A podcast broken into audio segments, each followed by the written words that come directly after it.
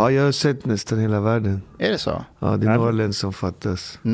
Va, vad är det som fattas? Några länder som Ja, fattas. några länder. Ja. Så vi får se om jag ska göra dem eller vad som händer. Vi- Vilka är det som fattas? Jag kan inte räkna upp alla, men det är några länder så här och där. Har, är det, är det, eh, har du rest med jobb eller har det varit... Både och, både privat jobb och alltid gillat att resa. Och, så man, och sen har man haft kompisar, man är från Alby. Man har, var man än kommer i världen, det finns någon som bor där från det Alby. så? Hej tjo vänner. Ja, det är helt sjukt alltså. Det är helt sjukt. Vet du, du var legend där jag växte upp. Jaha, vad var det då? Kista. Kista? Ja, Freddy's Corner. ah, jag känner igen det alltså. Ja, vi spelar in. Vad spelar vi in någon film där eller? Eh, nej, det, det gick något rykte om att så här, Dogge brukar käka pizza här. Ah, Så Men du vet tror- Kista torg? ah, Det är där du vet. Torget, Kulturhuset. men jag tror vi spelar in någon film där. Ja, det kanske är därifrån det kommer. Ah, vi spelade in en skitbra film som heter Själar i förorten. Som aldrig blev någonting. När gjorde ni den? Eh, vad, 20 år sedan. Vad är det för skitbra, film? skitbra förortsfilm. Så här, Alla blir skjutna och riktigt kaos innan allting. Det var en iranier som gjorde en Surush. Han gjorde det med en annan kille som var marockan. Men den där marockanen, han, jag tror han mördade sin fru eller någonting. Så han sitter typ på, i fängelse nu. Så filmen kom aldrig ut. Men vad handlar filmen om? Det handlar om fyra, fan jag kommer inte ihåg, fyra, fem förortskillar typ. Som växer upp i förorten och så handlar de i massa knas. Va, vad gjorde du då? Jag var bara med någon brud, sen blev jag skjuten typ. Jag rökte. Det sjuka var att vi rökte allting live i filmen. och Allting. Så jag tror det aldrig blivit en mer äkta förortsfilm någonsin. Alla okej. knarkade typ live och gjorde allt live och riktade pistoler och allt möjligt. Det var helt galet. Seriöst? Ja, det var helt galet. Men hur länge sedan var det här? Det var länge sedan. Det var, det var, grejen var att jag var hemma och då kom det en kille och knackade på min dörr. Han bara, hej, jag heter Soros, jag vill göra en film och jag vill göra med dig. Jag bara, med mig? Så han bara, ja men det är bara ett problem. Vi ska spela in den i Kista. Jag bara, uff, på den tiden hade jag inte ens bil och körkort så det var fett långt bort. Och då åkte jag till Kista varje dag med tunnelbanan sådär. från, från Alby. Och vi spelade in filmen. Är, är du född i Sverige? Ja, jag är född i Sverige. du är det? Ja, ja, ja, jag är född. Jag är född i, ja, min mamma är svensk. Jag är född i Botkyrka. Jag har aldrig bott någon annanstans. Jag bor på samma ställe där jag är född, fostrad, Fortfarande? uppväxt. Ja. Är sant? Min, ja, jag är samma ställe. Jag bor kvar där. Så jag, och min mamma är svenska och min pappa är, är karibenier. Karibisk indian. Så jag är halv viking, halv indian. Så, men jag har aldrig bott någon annanstans. Så att, eh, men eh, jag vet inte. Jag, eh,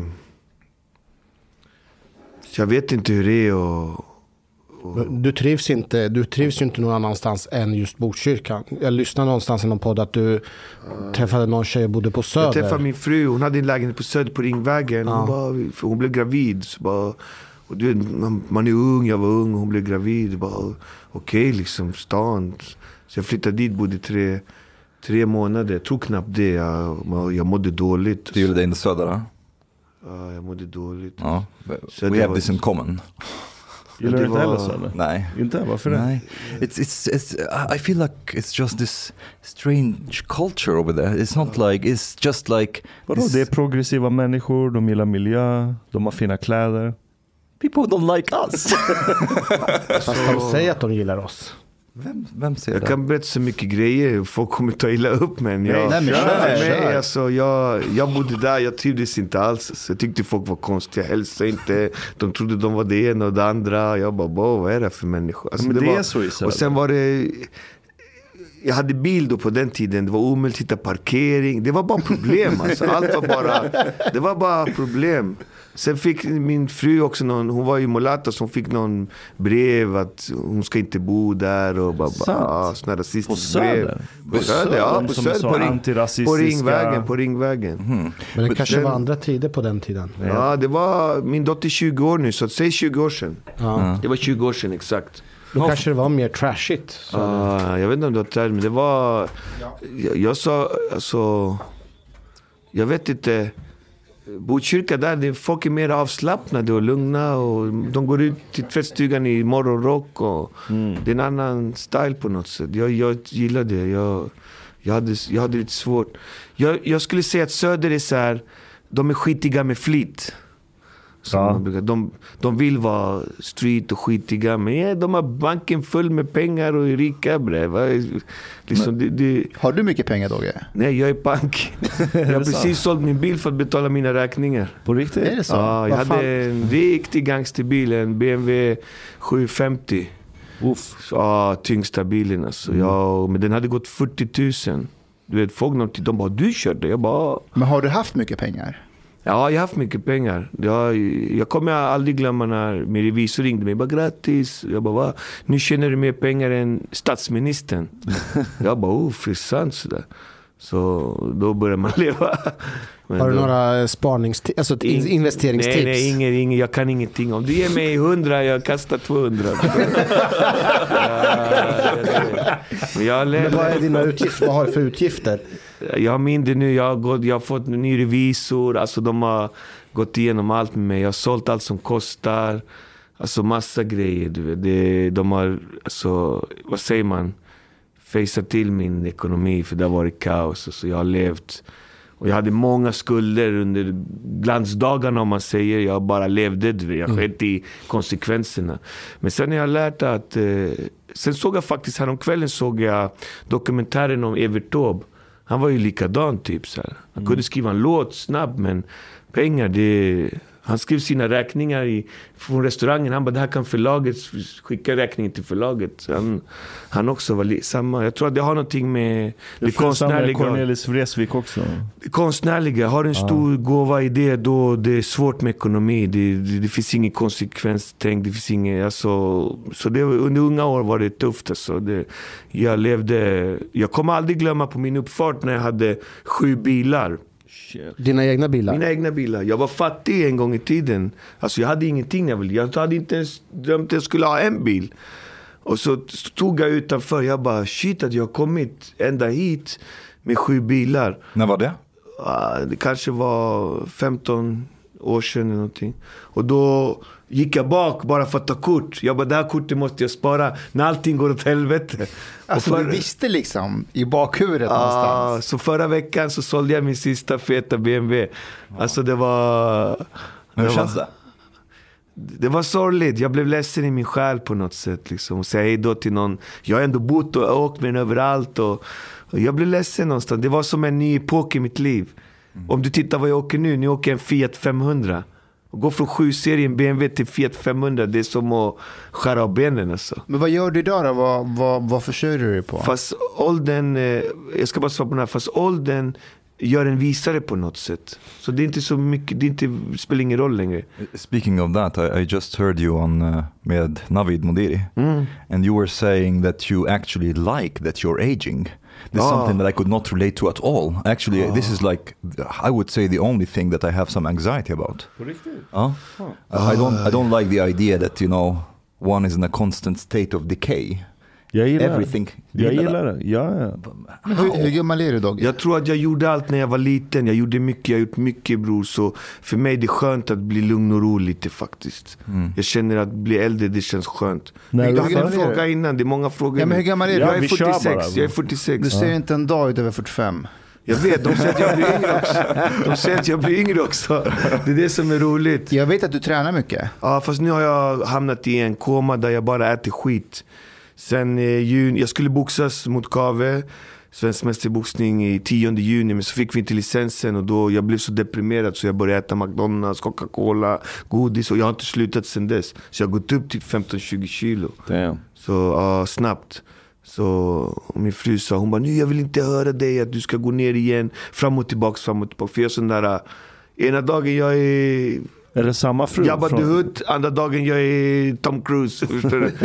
så, Är det samma fru från Söder eller? nej, nej, hon dog i cancer, den från Söder. Ah, hon, dog för, ja, hon dog för 20 år sedan också i cancer. Sorry man. Du hade en fråga innan om jag, vad jag jobbar med nu. Ja, hur försörjer Ah. du dig idag? Nej, det är allt möjligt. Det är reklam, marknadsföring, uppträda, föreläsningar. Allt som kommer i ens väg alltså. Vad föreläser du om? Jag berättar om mitt liv oftast. Det är det. En inspirationsföreläsning där jag berättar om mitt liv. Jag har ändå sjungit i år i 39 år. Jag har gjort 18 album, vunnit två Grammys, invald i Swedish Music Hall of Fame. Och jag har eh, inte gjort något annat egentligen. Och jag kommer från Alby, upp- uppfostrad, uppvuxen i Alby och jag har fått äran i livet av Gud att sjunga i 39 år.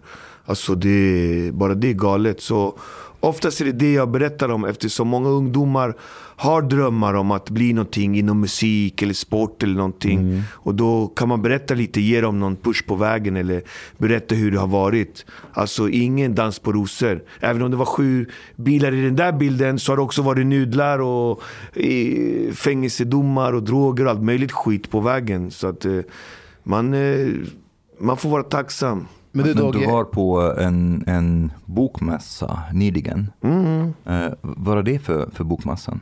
Jag har ingen aning. Den hette någonting Svenska Sveriges bokmässa och det var, det var en freakshow med alla möjliga typer av människor. och jag blev ditbjuden i en debatt Ja. som Dogge och debatten skulle handla om kultur.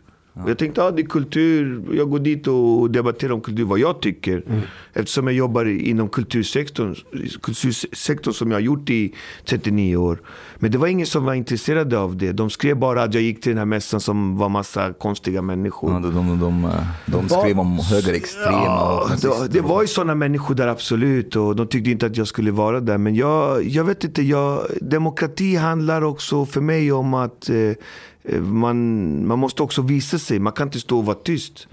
Jag, jag tycker man måste vara där och vad- var alla som var emot dem då och debatterade? De var inte där, det var bara en jag. sak som jag märkte med den, med när det här kom upp, det är att vissa människor har en, någon slags cred, eller vad ska man säga så här, eh, du som var på den här mässan, ingen tror ju att du är högerextrem. Förstår du vad jag menar? Nej, nej, exakt. Eller, Medans, medans det skulle kunna vara någon annan, säg lite till höger eller vad som helst, som skulle närvara med, ah, han kanske är högerextrem. En av oss. Ja, det, vet, det tror jag. Men, men du, du är verkligen så här, ingen tror jag att Dogge är liksom högerextrem. Nej, ska jag, alltså jag har inget med...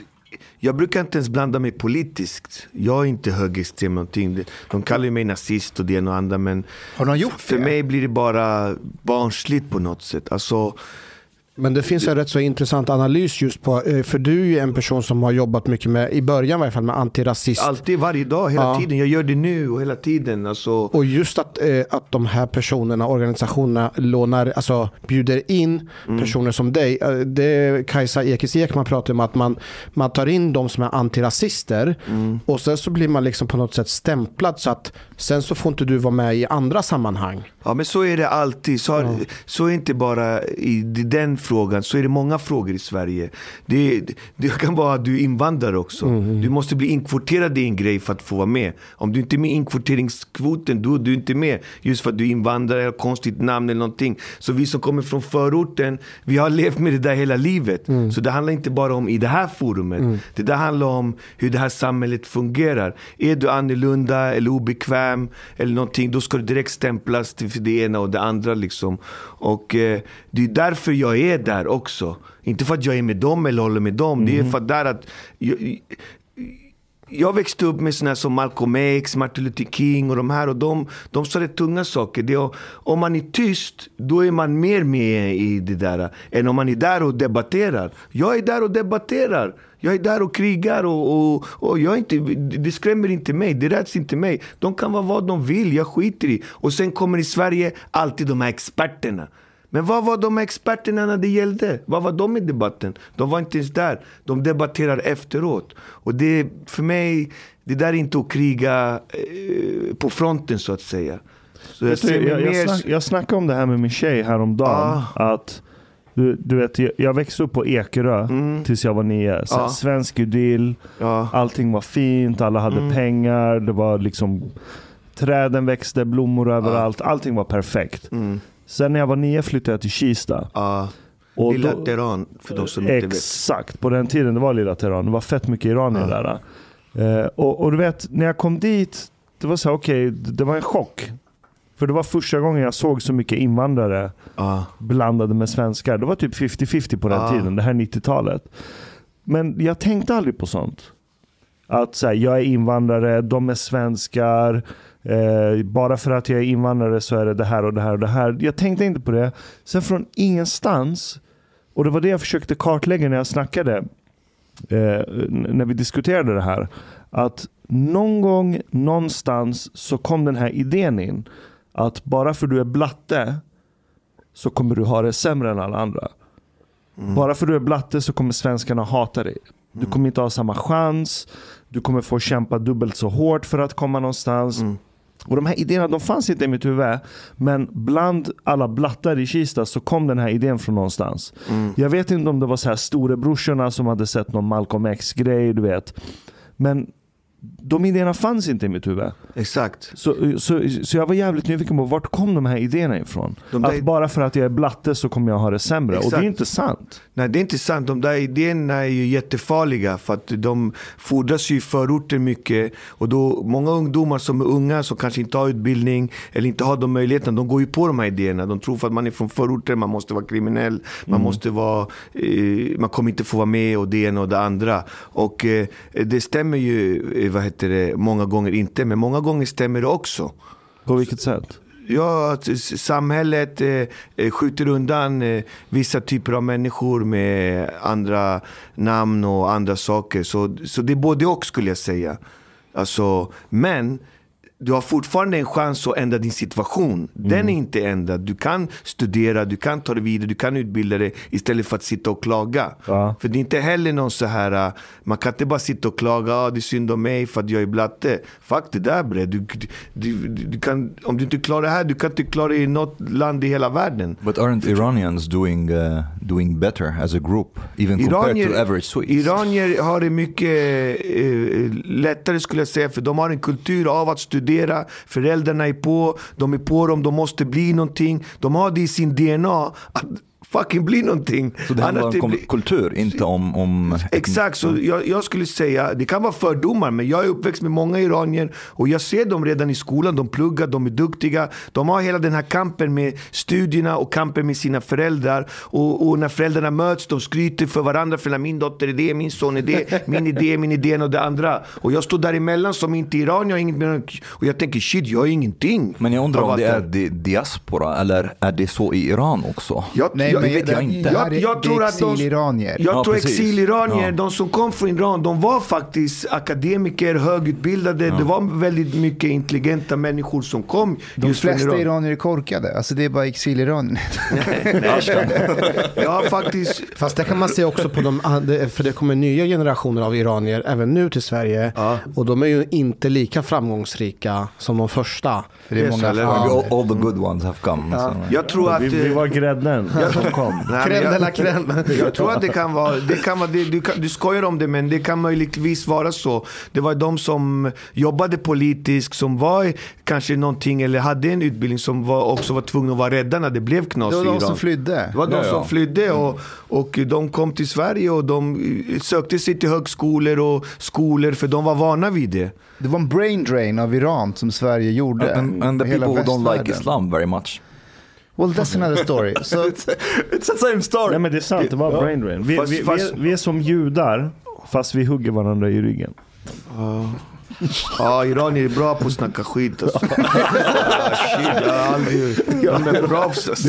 Utan, jag hoppas ingen iranier jagar mig, jag älskar det men... alltså alla Iran, iranier, iranier. Ja, jo. Och jag, jag är nog en av de första rapparna i världen som har rappat i Iran två gånger. Har du? Ja, Är jag, var, jag varit i Iran två gånger. På riktigt? Vad fan, uppträdde du där? Jag var i Egypten också faktiskt. Så det var eh, 2000, ja det var några år sedan, fyra, fem år Vem var sedan. det som bjöd dit dig?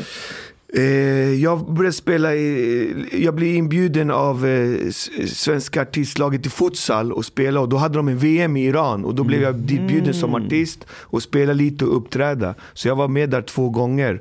Så att eh, det var en iransk coach som hette Abbas som bjöd dit mig och det var fantastiskt alltså, att se Iran. Och, och när jag kom till Iran, då hade jag fördomar som man tror om Iran. Men jag, jag måste säga, jag har inget illa att säga om Iran. Nej, Sen finns det en politisk agenda säkert där man kan prata väldigt mycket. Men där på, folket bjöd mig och tog emot mig, det var ren kärlek alltså. Ja, när jag kom hem, jag hade 500 kronor plus. Det är bara, men bara, det det är första semestern i världen, jag åker någonstans och jag kommer hem 500 kronor plus. För vi har ju den här kulturen att man bjuder. Ja, jag fick Alltså, inte betala nej. någonstans. Det var otrevligt och det var, alltså, det var fantastiskt. Jag, jag hade, och, där lärde jag mig också att iranier, de är inte ens muslimer bre. De tror inte ens på det där. De har ingenting med det där. De har någon gud som är något helt annat. Och eh, jag var till och med inne i en synagoga i Iran. Ja, ja. Det, Ja, judar så- är ett skyddat folk i Iran. Ja, det finns exakt. typ 20 000 judar Sånt hör man aldrig. Och, och, och, eh, det var fantastiskt. Jag hade jättefett faktiskt. Det, det finns fett många kristna också. Och de bor, många av dem bor i Esfahan. Det, Det är måste- ar armenier. Det måste finnas någonting av allt. De, var ju, de är ju 70 miljoner eller någonting. Ja, när jag var ute och Iran, reste ja. så träffade jag en gång en backpacker, jag tror han var kanadensare som hade eh, varit i Iran i tre månader. Ja. Och då sa han att Iran är det fantastiska landet, jag jobbade där, jag gick på restaurangen, jag behövde aldrig betala en krona. För alla bjöd på allting. Ja, och då hade exakt. jag precis köpt en sån här Lonely Planet och sen tog jag fram kulturdelen. Tar och sen så tog jag fram eh, sektionen tar off. Vilket innebär att iranier är vana att man säger att man bjuder men man menar ju inte det. Ah, okej. ja. Och han hade i tre månaders tid bara blivit bjuden om och om igen. And, and I like that Mustafa, like he, he's like, oh, we have Iran, everybody's Iranian. Uh, Ashkan, uh, Hanif, and then he pointed himself and he hesitated a bit. Jag tror det är många kulturer som är så. I Kina var det också så där tror jag någonting. Man, Ja, men man Afghanistan ska säga ja, nej, nej, ja, nej. De bjuder, bjuder men de... Det, det är liksom ett spel. också. Ja, det är spel liksom. Så Vi man ska- inte hajar som Vi ska förut. välkomna eh, Chang också. Välkommen Chang. Chang var kines, eller hur? Jag är kines ja, Ah. det syns väl. Är det inte någon kultur där man kan... De bjuder men man... Nej, vi äter bara hundar. Sen han driver bara komiker. Kina har varit 16 gånger. Men eh, på tal om alla dina uppdrag, visst, har, visst jobbar du också med att spela in, eh, läser in böcker? Ja, några har blivit, några filmer, några böcker, Ja. rösten. Jag, jag jobbar med rösten i många år, så jag har mycket med det faktiskt. För jag, jag spelade in en ljudbok och då sa de att eh, du var exceptionellt eh, talangfull när det gäller att spela in ljudböcker.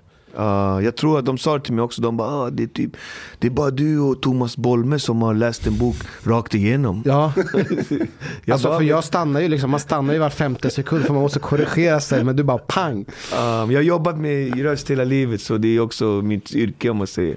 Men det var rätt roligt när de sa det faktiskt. Jag bara Thomas Bolme, man kommer ihåg honom typ. men man minns ju honom. Jag måste var... fråga Ja, fråga kör, förlåt. Varför har du massa indianklä, eller vad är det? En magväska med en indian på en...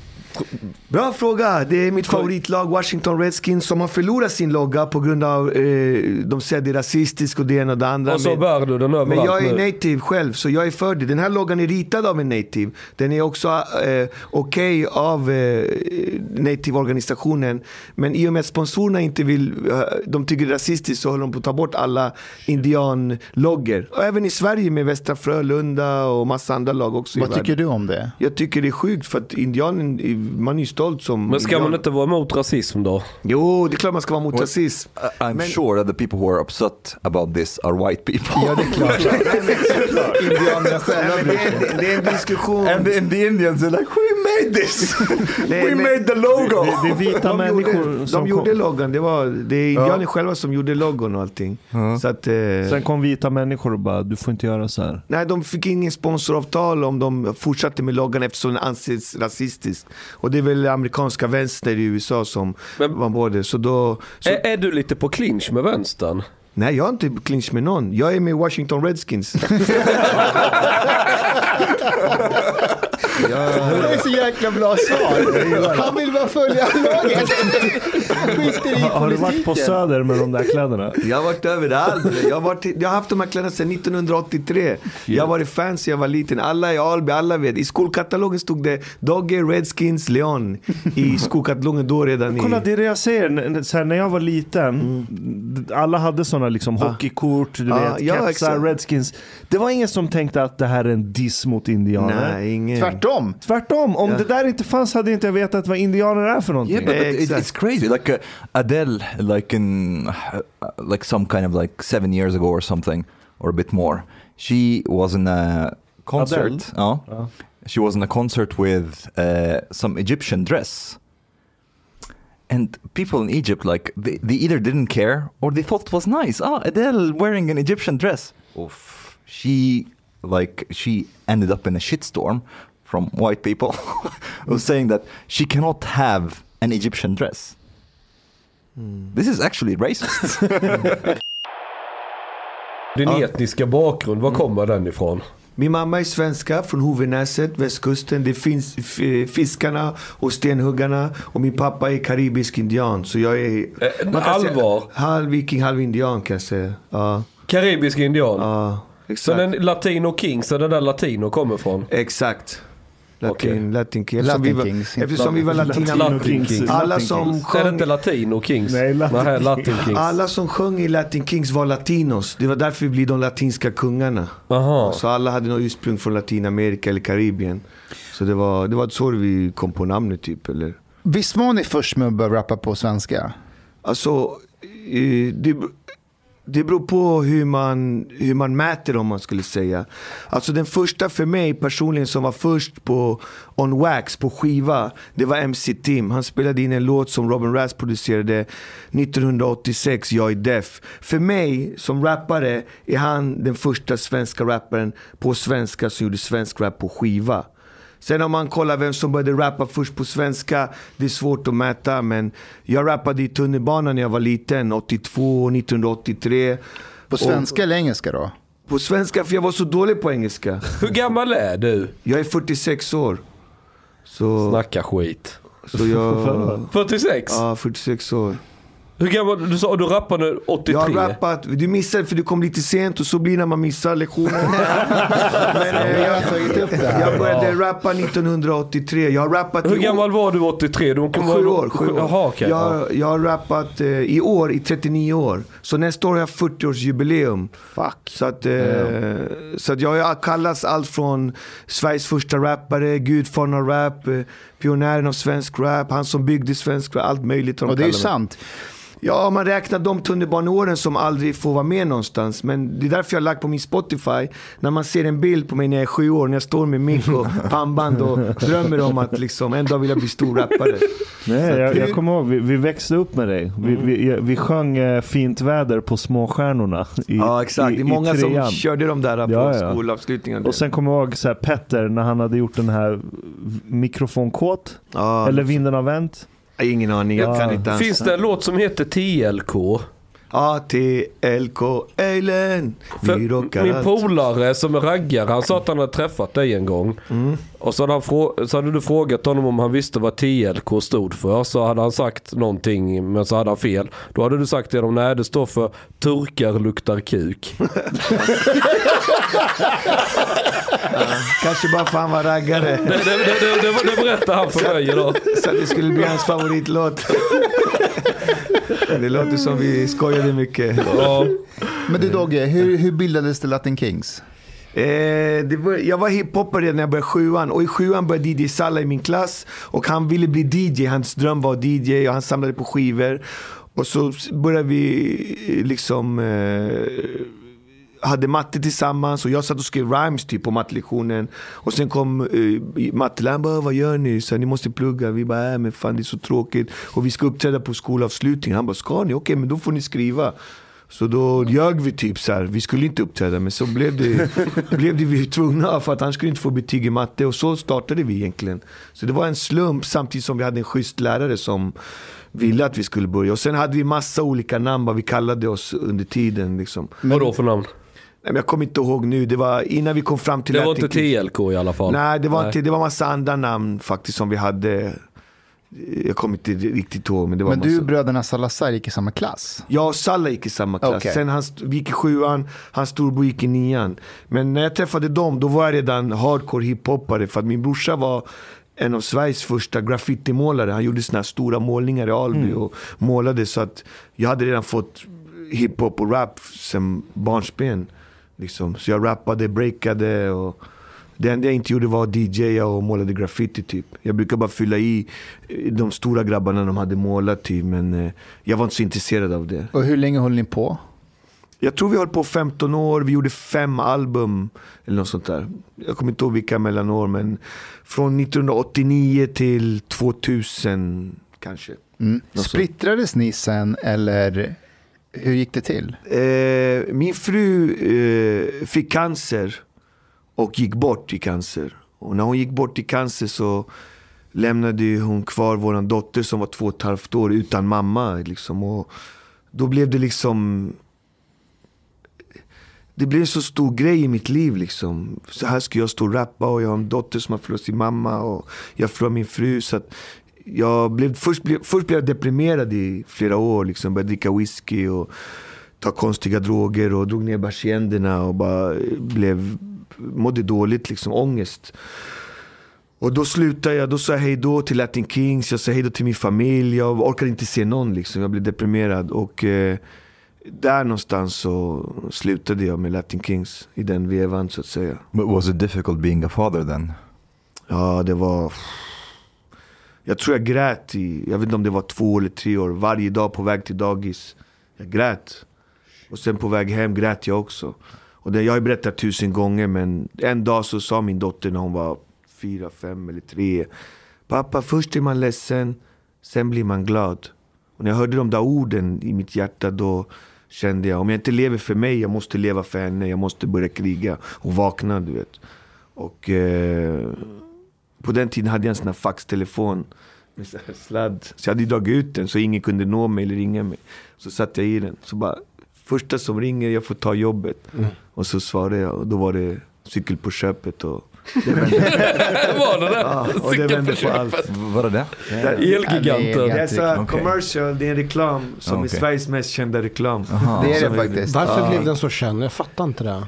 För att det var jag som skrev den och gjorde. Det var, det var en eh, otrolig crossover liksom. På den tiden så tror jag att där tror jag också vi kom in i de här frågorna vi var lite på innan och touchade. Att invandrare med reklam, man är rappare från förorten. Vi ska inte göra reklam. Vi ska vara inne i den där lådan instängda. Vi får inte vara där. Så det där blev en sån jävla käftsmäll. Och den gick ju på bästa sändningstid också. Liksom på julafton, nyårsafton. Alla de här, när alla, hela familjen. Och när tvn fortfarande hade power. Idag har tvn inte samma power som den hade på den tiden. Du vet, hela familjen sitter och kollar på Kalle. Och, och emellan där kommer reklamerna och det. Och det, det, det tror jag att det gjorde den stor faktiskt. Hur var reaktionerna på den reklamen? Uff, alltså, jag snackade med Modiri, han som gjorde podden innan. Jag måste skriva en bok om hur sjukt det där var. För det var en resa på ungefär tre år. Som, det var galet. Jag, jag tänkte ju bara så här, jag är fucked up, jag har förlorat allt, jag förlorar min fru. Jag tar det här jobbet för att få lite pengar. Så kan jag åka till pappas hemland och vila hjärnan typ. Så jag åkte in till studion. Which country is it? Eh, Car- Caribbean is a lot of countries. Puerto Rico, Venezuela, around there. The Caribbean Vilket islands. av, men vilket av de länderna? Egentligen så var det en ö, i det här fallet var det en ö som hette Isla Margarita som man kallas för Paradisön. När spanjorerna kom dit så hittade de väldigt mycket eh, pärlor, pärlemor. Ja. Så därför den kallas Pärlan av Karibien. Så det, det, i, det, I de åren var det just den ön det gällde i alla fall. Ja. Som jag bodde på då. Som jag tog mig till då. Men eh, då åkte jag in till Stockholm och då skulle jag göra video med Mika Delica som är en legend för mig. Han har gjort massa rapvideos och han har gjort skitgrymma grejer liksom. En, en konstnär av rang och klass liksom. Jag älskar honom liksom för det vi gjorde. Och vi skulle röka innan och så här, jag rökte cigg och kanske drog någon vodka och snackade lite så ah, vi ska göra någon rap här. Och för oss det var en töntig jobb liksom. Jag skriver fyra rader, det gör jag på du hinner inte ens blinka innan jag är klar. Liksom. Jag skriver såna här raplåtar på några, några minuter. Så det där var liksom ingen stor grej. Så vi garvade och min pitbull var med då. Han levde fortfarande, han var 15 år. Han var otrolig den där Vad hunden. han? Han heter Rissla. Jag kommer aldrig, jag kommer aldrig glömma honom. Som åt upp han, hans sal. ja, han drog en 850 på Volvo-mässan 96. Vad- Liksom, han var vad gjorde 25 han? kilo. Han drog en 850. Ja, åh, bil. Alltså, han var, Ja, ja, ja, han var grym alltså. Och han var med och han stod och gnällde så här, "I, i, i, i." Och jag bara, vad är det? Vad är det? Liksom, vänta, vi ska bara fixa.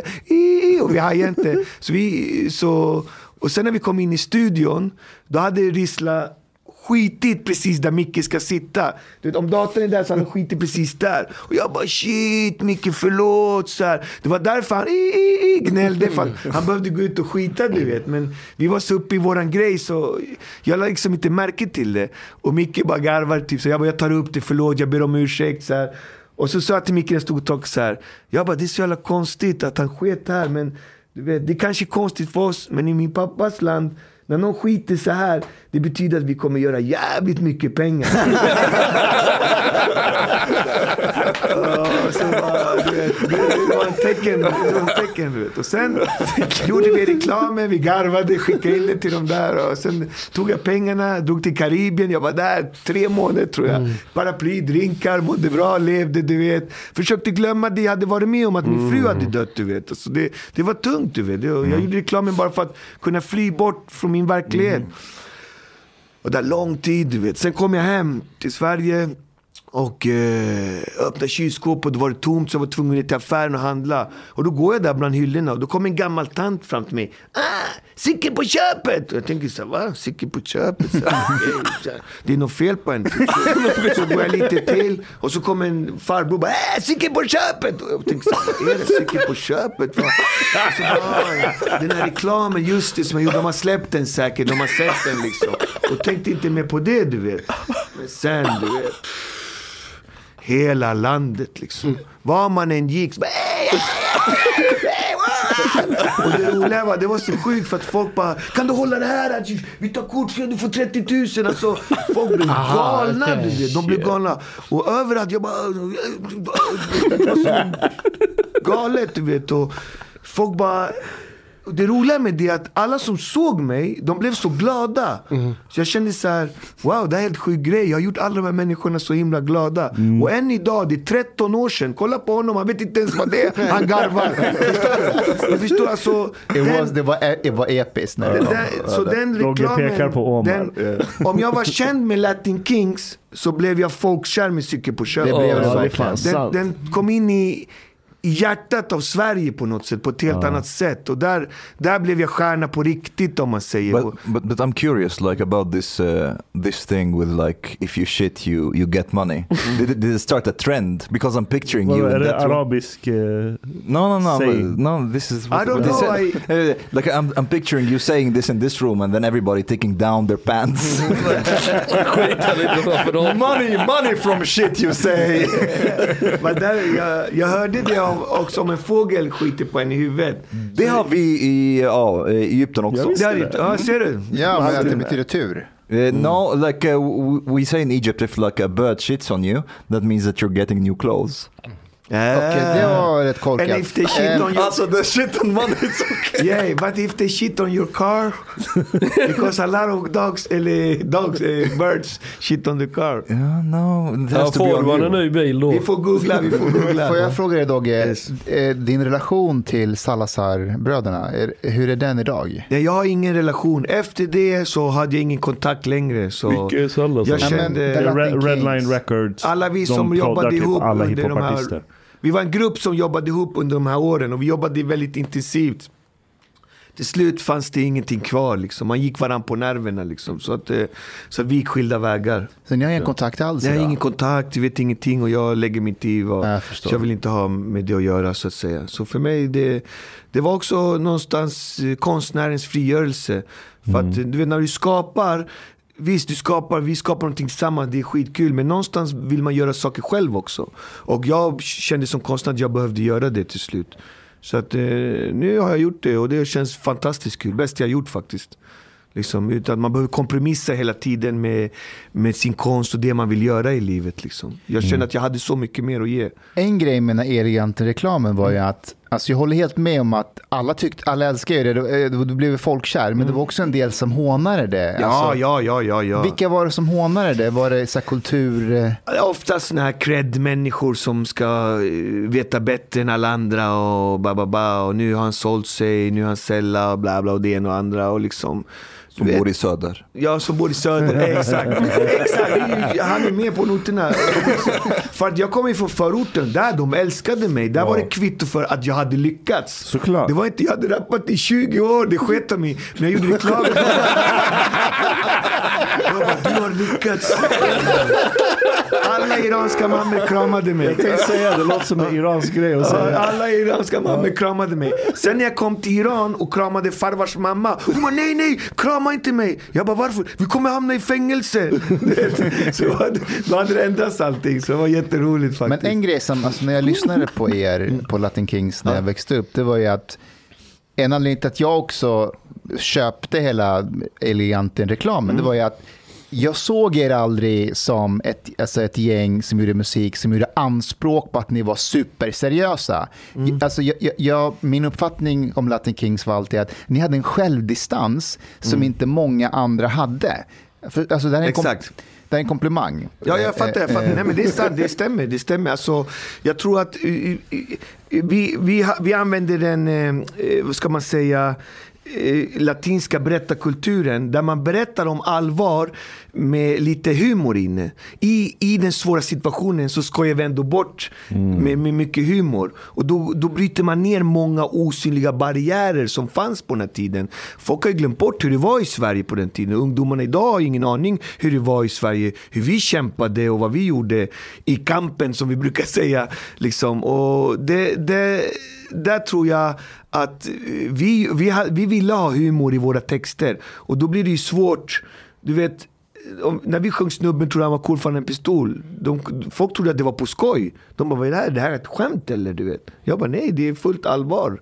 Liksom. Så det, det, det, blev, det blev liksom mm, vad ska jag säga, med humorn så var det en grupp som inte kunde ta oss på allvar. Men de kunde inte förstå att humorn är, använder man, ofta som man kommer från lite tuffare, man skojar om det allvarliga. Det är en del av latinska berättarkulturen, att man liksom, man skojar hur fucked up situation man är i liksom.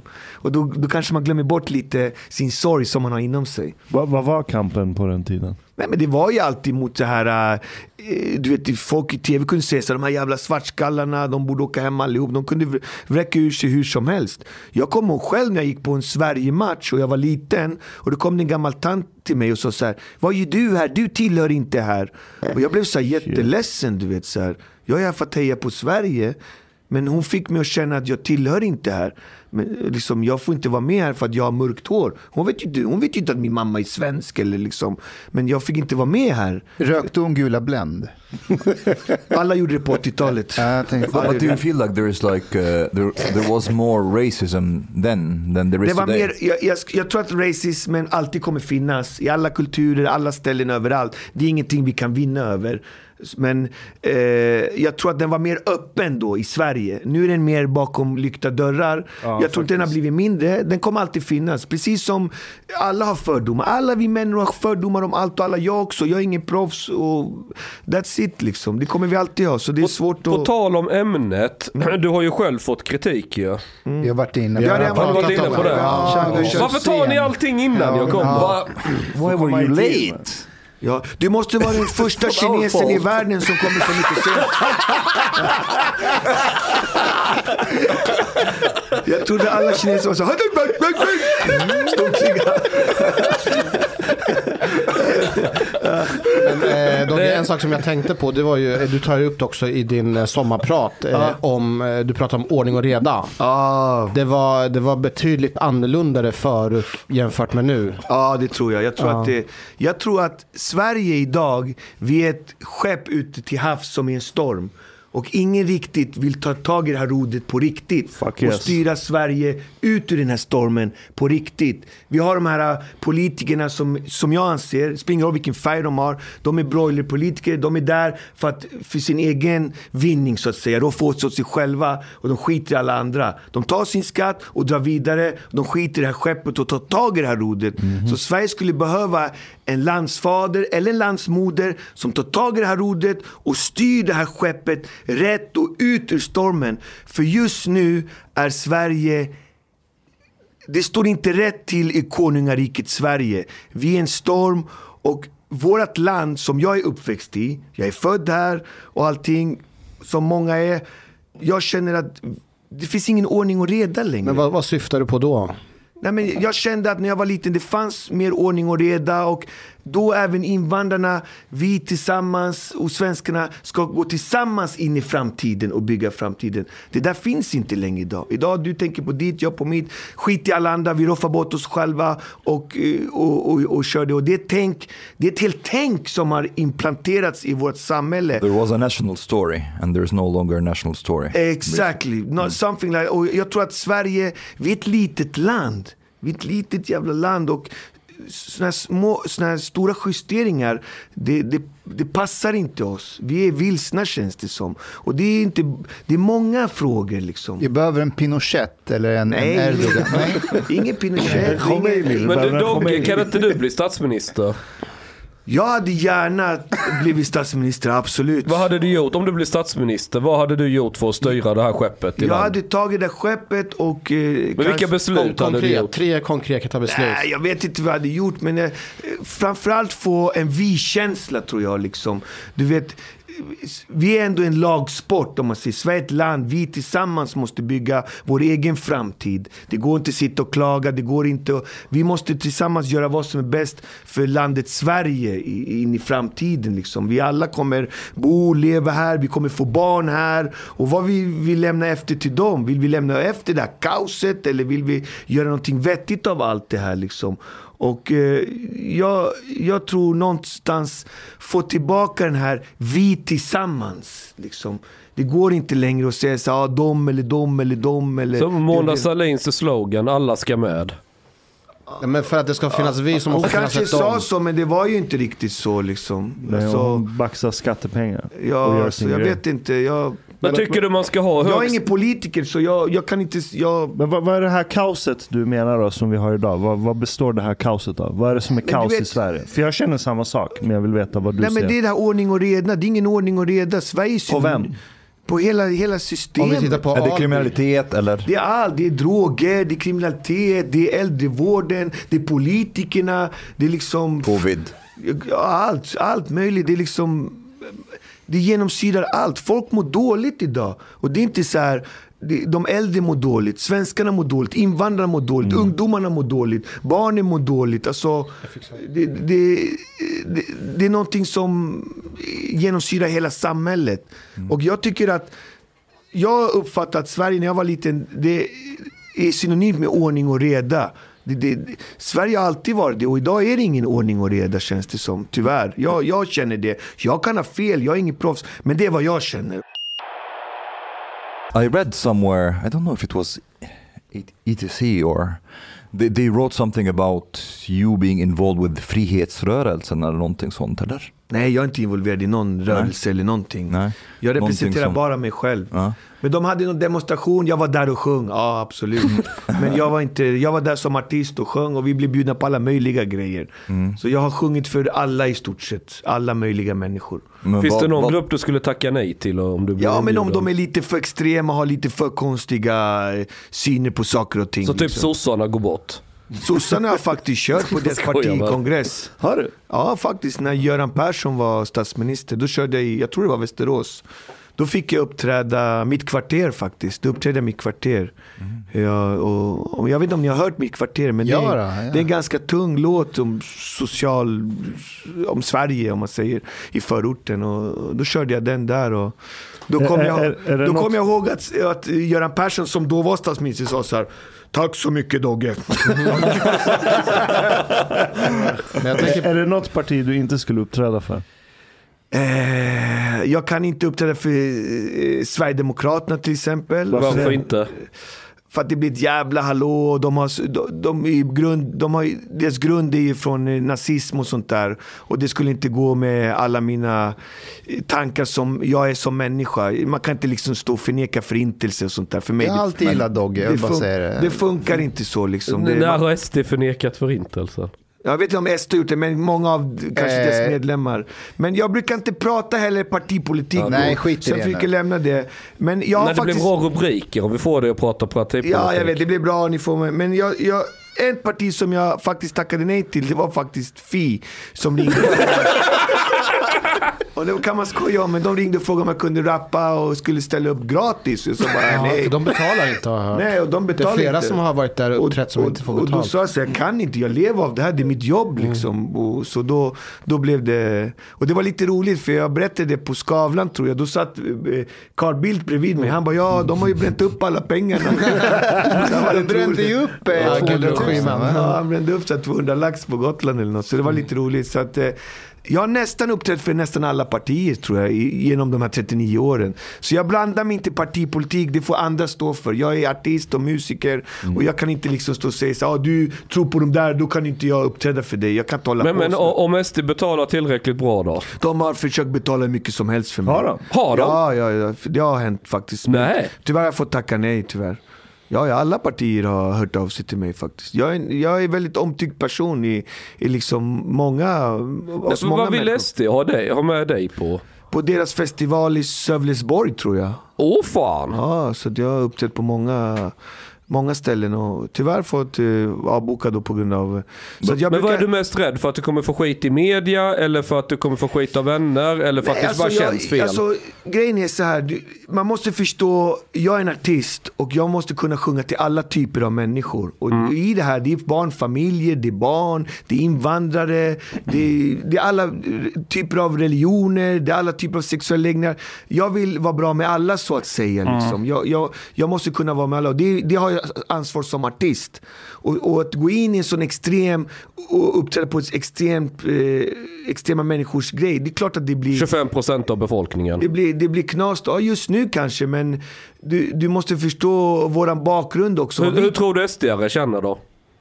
Nej, Ingen det- artist vill sjunga för dem och de ska vara ute i kylan, ni är oönskade, untermänniskan. 25% det av måste du befolkningen. fråga dem vad de känner liksom. Men jag tror inte de är ute i Kina. De har ju sitt. Men du tror inte det är så att alla de som ska vara toleranta gör Mm. själva samma misstag mot dem som man anklagar dem göra mot andra? Det kan vara så, absolut. Det kan det vara, absolut. Jag, alltså, det finns många invandrare som röstar på SD. Det är inte så att det är bara blonda svenskar som röstar på SD. Alltså, de har ju... Mycket iranier. Jag, jag, tror, exakt, jag tror de har många röster i alla eh, ty- typer av svenska... I Hallunda har de, det vet jag. Ja, de har överallt tror jag. Det, så det är inte bara att, vad heter det, att det... Men är, störst, är det största just att konsekvensen av att inte få andra spelningar eller är det just att uppträda för dem? Nej, jag tror att det är min syn som människa. Ja. Liksom. Jag tror att det är det. Jag, jag vill inte, det blir för mycket partipolitiskt. När det blir för mycket så, då jag kan inte blanda mig som... Jag kan ha mina åsikter för mig själv, men jag kan inte eh, dela ut det eh, så att säga så. Men- jag står inte för det de står för, men jag kan inte gå... Jag går inte och spottar på folk för det. De får stå för det och det är deras grej. Jag lägger mig inte i. Jag är från förorten liksom. Och där är... Jag tror att... Jag tänker så liksom. För jag tänker när vi pratar egentligen om ordning och reda, det uppfattas ibland som fult, men det är ju väldigt många partier som vill ha ordning och reda, men de är ju redan lite grann eh, brunsmetade. Jag tänker Ja. dels på SD, men jag tänker också på Moderaterna, men även alla på, hö- på högersidan som Exakt. vill skapa förändring. Jättebra, jättebra sagt faktiskt av dig. Det, det är lätt också att man får de här stämpel. Det är lite som cykel på köper. Ja, ah, nu är han sellout. Och det är lite samma, nu är han brun, lalala, smet bara för det och det. Men du vet, ja, ett land behöver styrning och behöver ordning och reda. Alltså, tills, du- vet, när du ser saker som händer i ditt liv, när du själv blir utsatt av saker och ting. Det är först då du kanske vaknar. Fan, hade det varit lite ordning här så kanske det här hade inte hänt. Och, eh, men många de kan inte relatera till saker och ting för att de aldrig har varit med om det. Så jag tror att, eh, jag tror att, eh, jag tror att det är en väg som vi måste välja. Liksom. För om vi tittar på bara på... det, det handlar inte om partipolitik, det handlar om, om alla oss tillsammans. But, but don't you think like um, speaking of that, like SD is now like what they are sometimes the second biggest party in opinion polls, and if we're talking about like you know alla vi tillsammans and like trying to kind of create this like you know unity and sense of community and so on, then maybe uh, to to try to isolate SD is actually a bad idea. Leder till mer, mer Isolera bort. isolera bort dem eller ja. Att Alltså, det, det, en- att det är en lite motsägelsefullt. Vill vi vara en demokrati eller vill vi vara likadana som de som är emot demokrati? Det, där är frågan. Egentligen handlar det inte om SD tror jag i grunden. Det handlar om vad vi vill egentligen. Liksom, om, om, om de andra hade skött sig, då kanske vi inte hade haft partier som SD. Men problemet är att de har roffat åt så mycket saker så att de, de har knasat så att det kommer sådana här, vad ska man säga, missnöjespartier som ploppar upp. Och de kommer ungefär i Sverige var tionde, tjugonde år. När jag var liten hette de, vad fan hette de Ny då? Demokrati. Ny Demokrati. Och det var samma sak där liksom. Så jag tror att jag tror att det här är en sån grej också. Folk är trötta, du vet. Och, och jag lovar dig, jag tror inte det är bara som man tror att det är svenskar som röstar på SD. Jag tror att det är jättemånga invandrare. Som har, Invandrare var den snabbast växande gruppen för några år ja, som har jobbat, kämpat, de har skött sig, de är trötta på det här kaoset. Mm. De har flytt från kaos, tror de ska komma hit och vill ha mer kaos. Nej, de vill inte ha mer kaos, de vill ha ordning och reda. Så de har blivit rasister, de invandrarna. Nej. Det får du fråga dem. Du får du Kan, fråga kan, man, kan, Jag kan inte man rösta SD utan att vara rasist? Största invandrargruppen är finländare och det glömmer man också bort i debatten. Jag Det är trodde att de började heila på Nej, nej, automatik. nej. nu. Största, största är araber nu.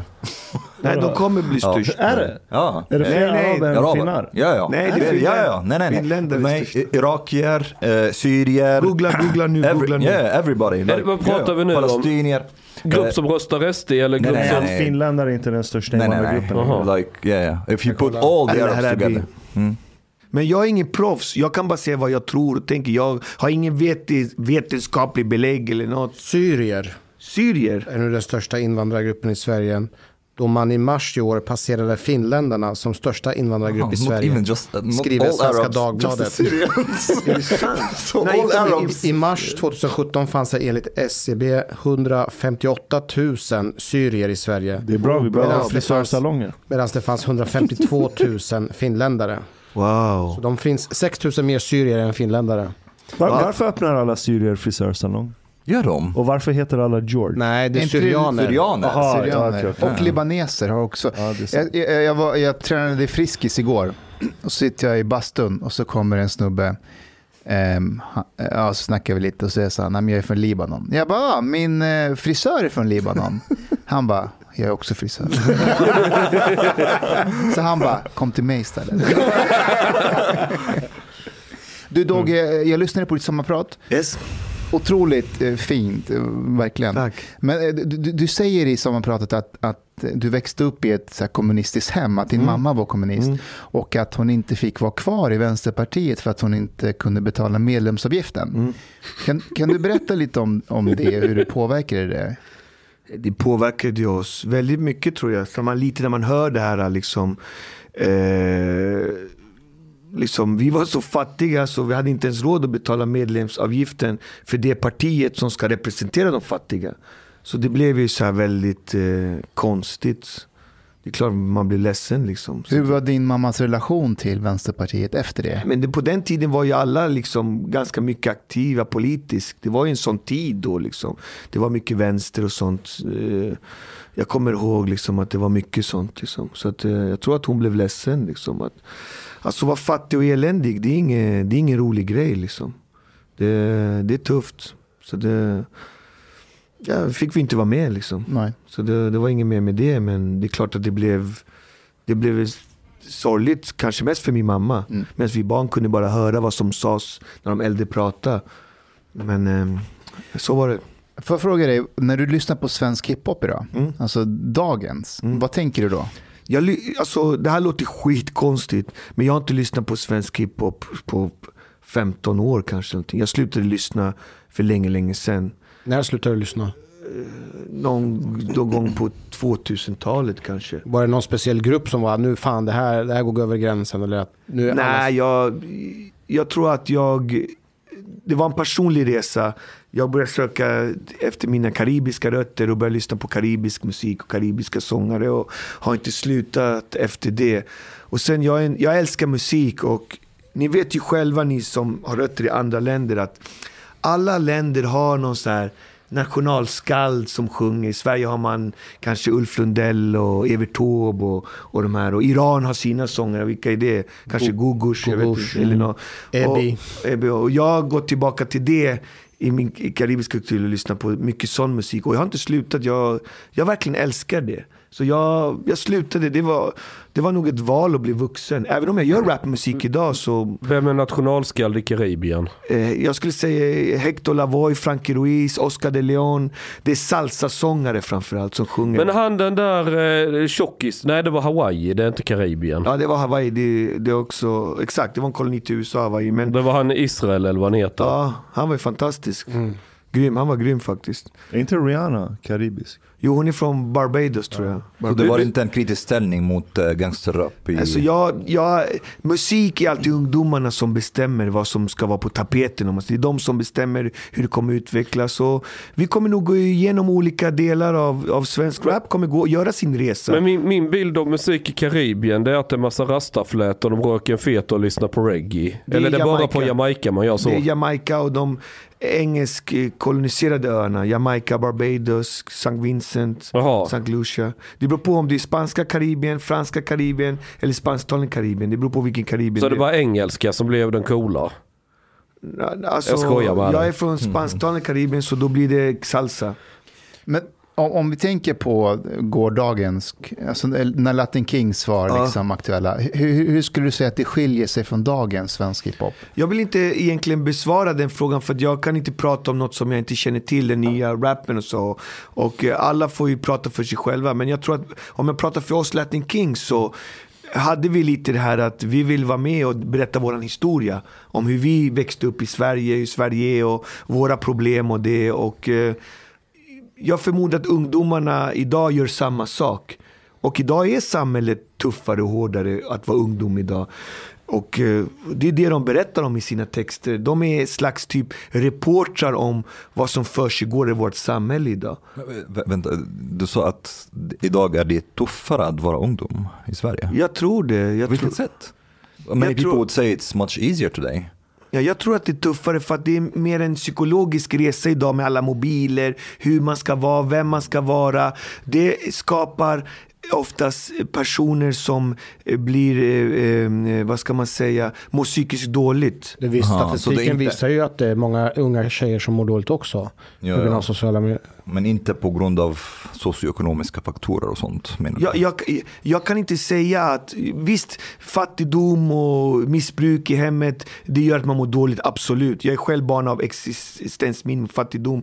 Men man kan inte skylla på det heller. Du kan inte sitta och vara 45 år, ah, jag hade en dålig bakgrund, det är synd om mig. Det går inte. Du, vet, du, har, du har ändå en möjlighet att studera, bygga ditt liv och göra saker. Så, och, och man kollar vilka barn som är lyckligast i världen. Det är så här länder som Colombia och grejer. Du vet, där barnen har ingenting, men de är ändå glada. Så jag tror att i Sverige är vi så långt fram tekniskt så att barnen de, de växer upp med mycket våldsspel, mycket hur man ska vara, hur man ska se ut, vad man ska vara och ha det ena och det andra. Och jag är själv ett offer och sånt. Varför sitter en idiot som jag med sju bilar en dag? För jag visste inget bättre. Jag trodde att det var det var lyckan. Men när jag väl stod där, jag var inte lyckligare. Så att jag tror att Hur kan det inte vara lycka? Sju bilar. Vad skulle du säga att lyckan är istället? det är det vi inte kan se med ögat. Det är lycka. Det är kärlek, det är närhet. Det mest väsentliga i livet, det kan vi inte se med ögat. Allt det materiella, det, det är inte viktigt. Och när du kommer till den insikten, efter du har haft Rolex-klockorna, du har haft allt det där bullshitet, så hajar du att kärlek, om du inte har kärlek i livet, du har ingenting. Så att det är det man måste få eh, ungdomar och barn att söka. Och sen tror jag att ungdomar har drömmar som alla. De vill ha en, eh, en fin lägenhet, de vill ha en fin bil, de vill ha ett bra jobb, de vill kunna köpa de där jeansen eller vad det nu är de vill köpa och ha. Som alla andra, alla vi har haft de drömmarna när vi var små. Men, men alla, vi kommer inte uppfylla det kanske med tiden.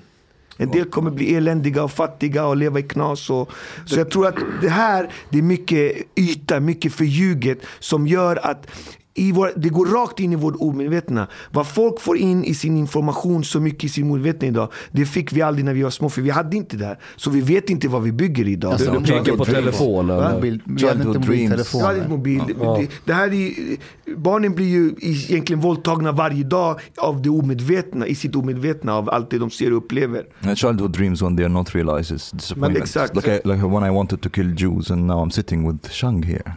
And you still want to kill the Jew, I hope. Men eh, Dogge, när, för jag vet, jag lyssnade själv på både din sommarprat och med Navid Modiri, när- att du gick igenom, gick en förändring, var det i samband med att det var din fru? Jag tror att min fru blev en wake-up call. Sen har jag varit med om massa andra saker också. Vi behöver inte gå in på allt. Jag har, eh, min syster dog av droger, min eh, vad heter det, fru dog i cancer. Jag hade ett barn som gick bort. Jag har själv hållit på med droger, suttit i fängelse. Alltså jag har varit med om så mycket knas. Så att jag, jag tror att allt det där knaset byggde den jag är idag så att säga. Utan det knaset så hade jag inte kunnat vara den person jag är idag. Och det är därför för mig, att sprida glädje, det, det vill jag vara synonymt med. Därför det här partipolitiska och allt det andra tjafset, i mina öron, det blir för tjatigt så att säga. Jag vill bara sprida glädje och kärlek. Jag tror att det är nyckeln till mycket viktigare saker i vårt samhälle. Har du någon fru idag? Jag har en fru idag, så att eh, min fjärde fru, så hoppas det håller. Hur länge har ni varit ihop? Eh, fyra år eller något sånt där tror jag. Var det henne du fria 17 gånger till eller vad det var? Ja, typ. Innan hon bara okej, bara för att sluta höra tjatet. Hade du friat på fel sätt eller? Jag vet inte, jag var nog ute i stormen. Var det ringen på köpet? Det var ringen på köpet så det var nästan att den blev såld men eh, lyckades behålla den. Men eh, jag var nog själv personligen ute i en väldigt djup dal, ska jag säga, eller svacka, mörk gränd eller någonting. Men vad hände med eh, Fro 2 och 3? Ehm, ja, det blev skilsmässor som inte funkade. Du vet som jag sa, jag brukar säga min fru är min musik egentligen. Det är det som är mitt liv. Jag älskar musik. Det är min fru. Så att, är du ihop med en musiker, han jobbar oftast lördagar, söndagar. När alla andra är lediga, då jobbar vi. Men när alla ni går till jobbet på måndag morgon, då ligger vi och sover och petar naveln.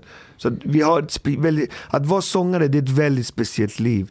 Så att min musik är egentligen min, eh, min drog, min fru, mitt allt. Det är det jag lever för i stort sett. Och att få en kvinna som förstår det och accepterar det, det är svårt. De tycker det är kul första året, wow vad häftigt. Andra året, resorna och allt det här är häftigt. Men tredje, fjärde året, de, de orkar inte. Tyvärr. Fjärde gången gillt Dogge. Ja, så hoppas att fjärde gången gillt. Så vi hoppas att vi, vi försöker göra det bra av situationen. Jag måste fråga, den Rolex du har på handen, armen. Ja, Du har en Rolex och magväska. ja.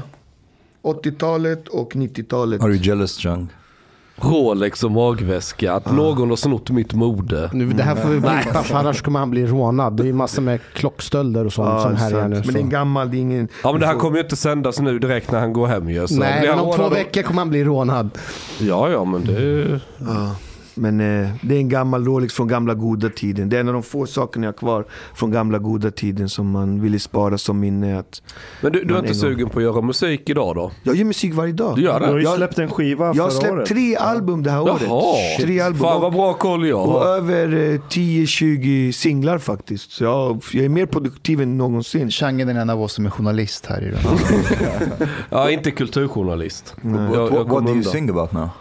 Om allt. Jag blandar, jag gör alla stilar. Jag gjorde en låt nu som heter Delali med en arabisk sångare från Algeriet.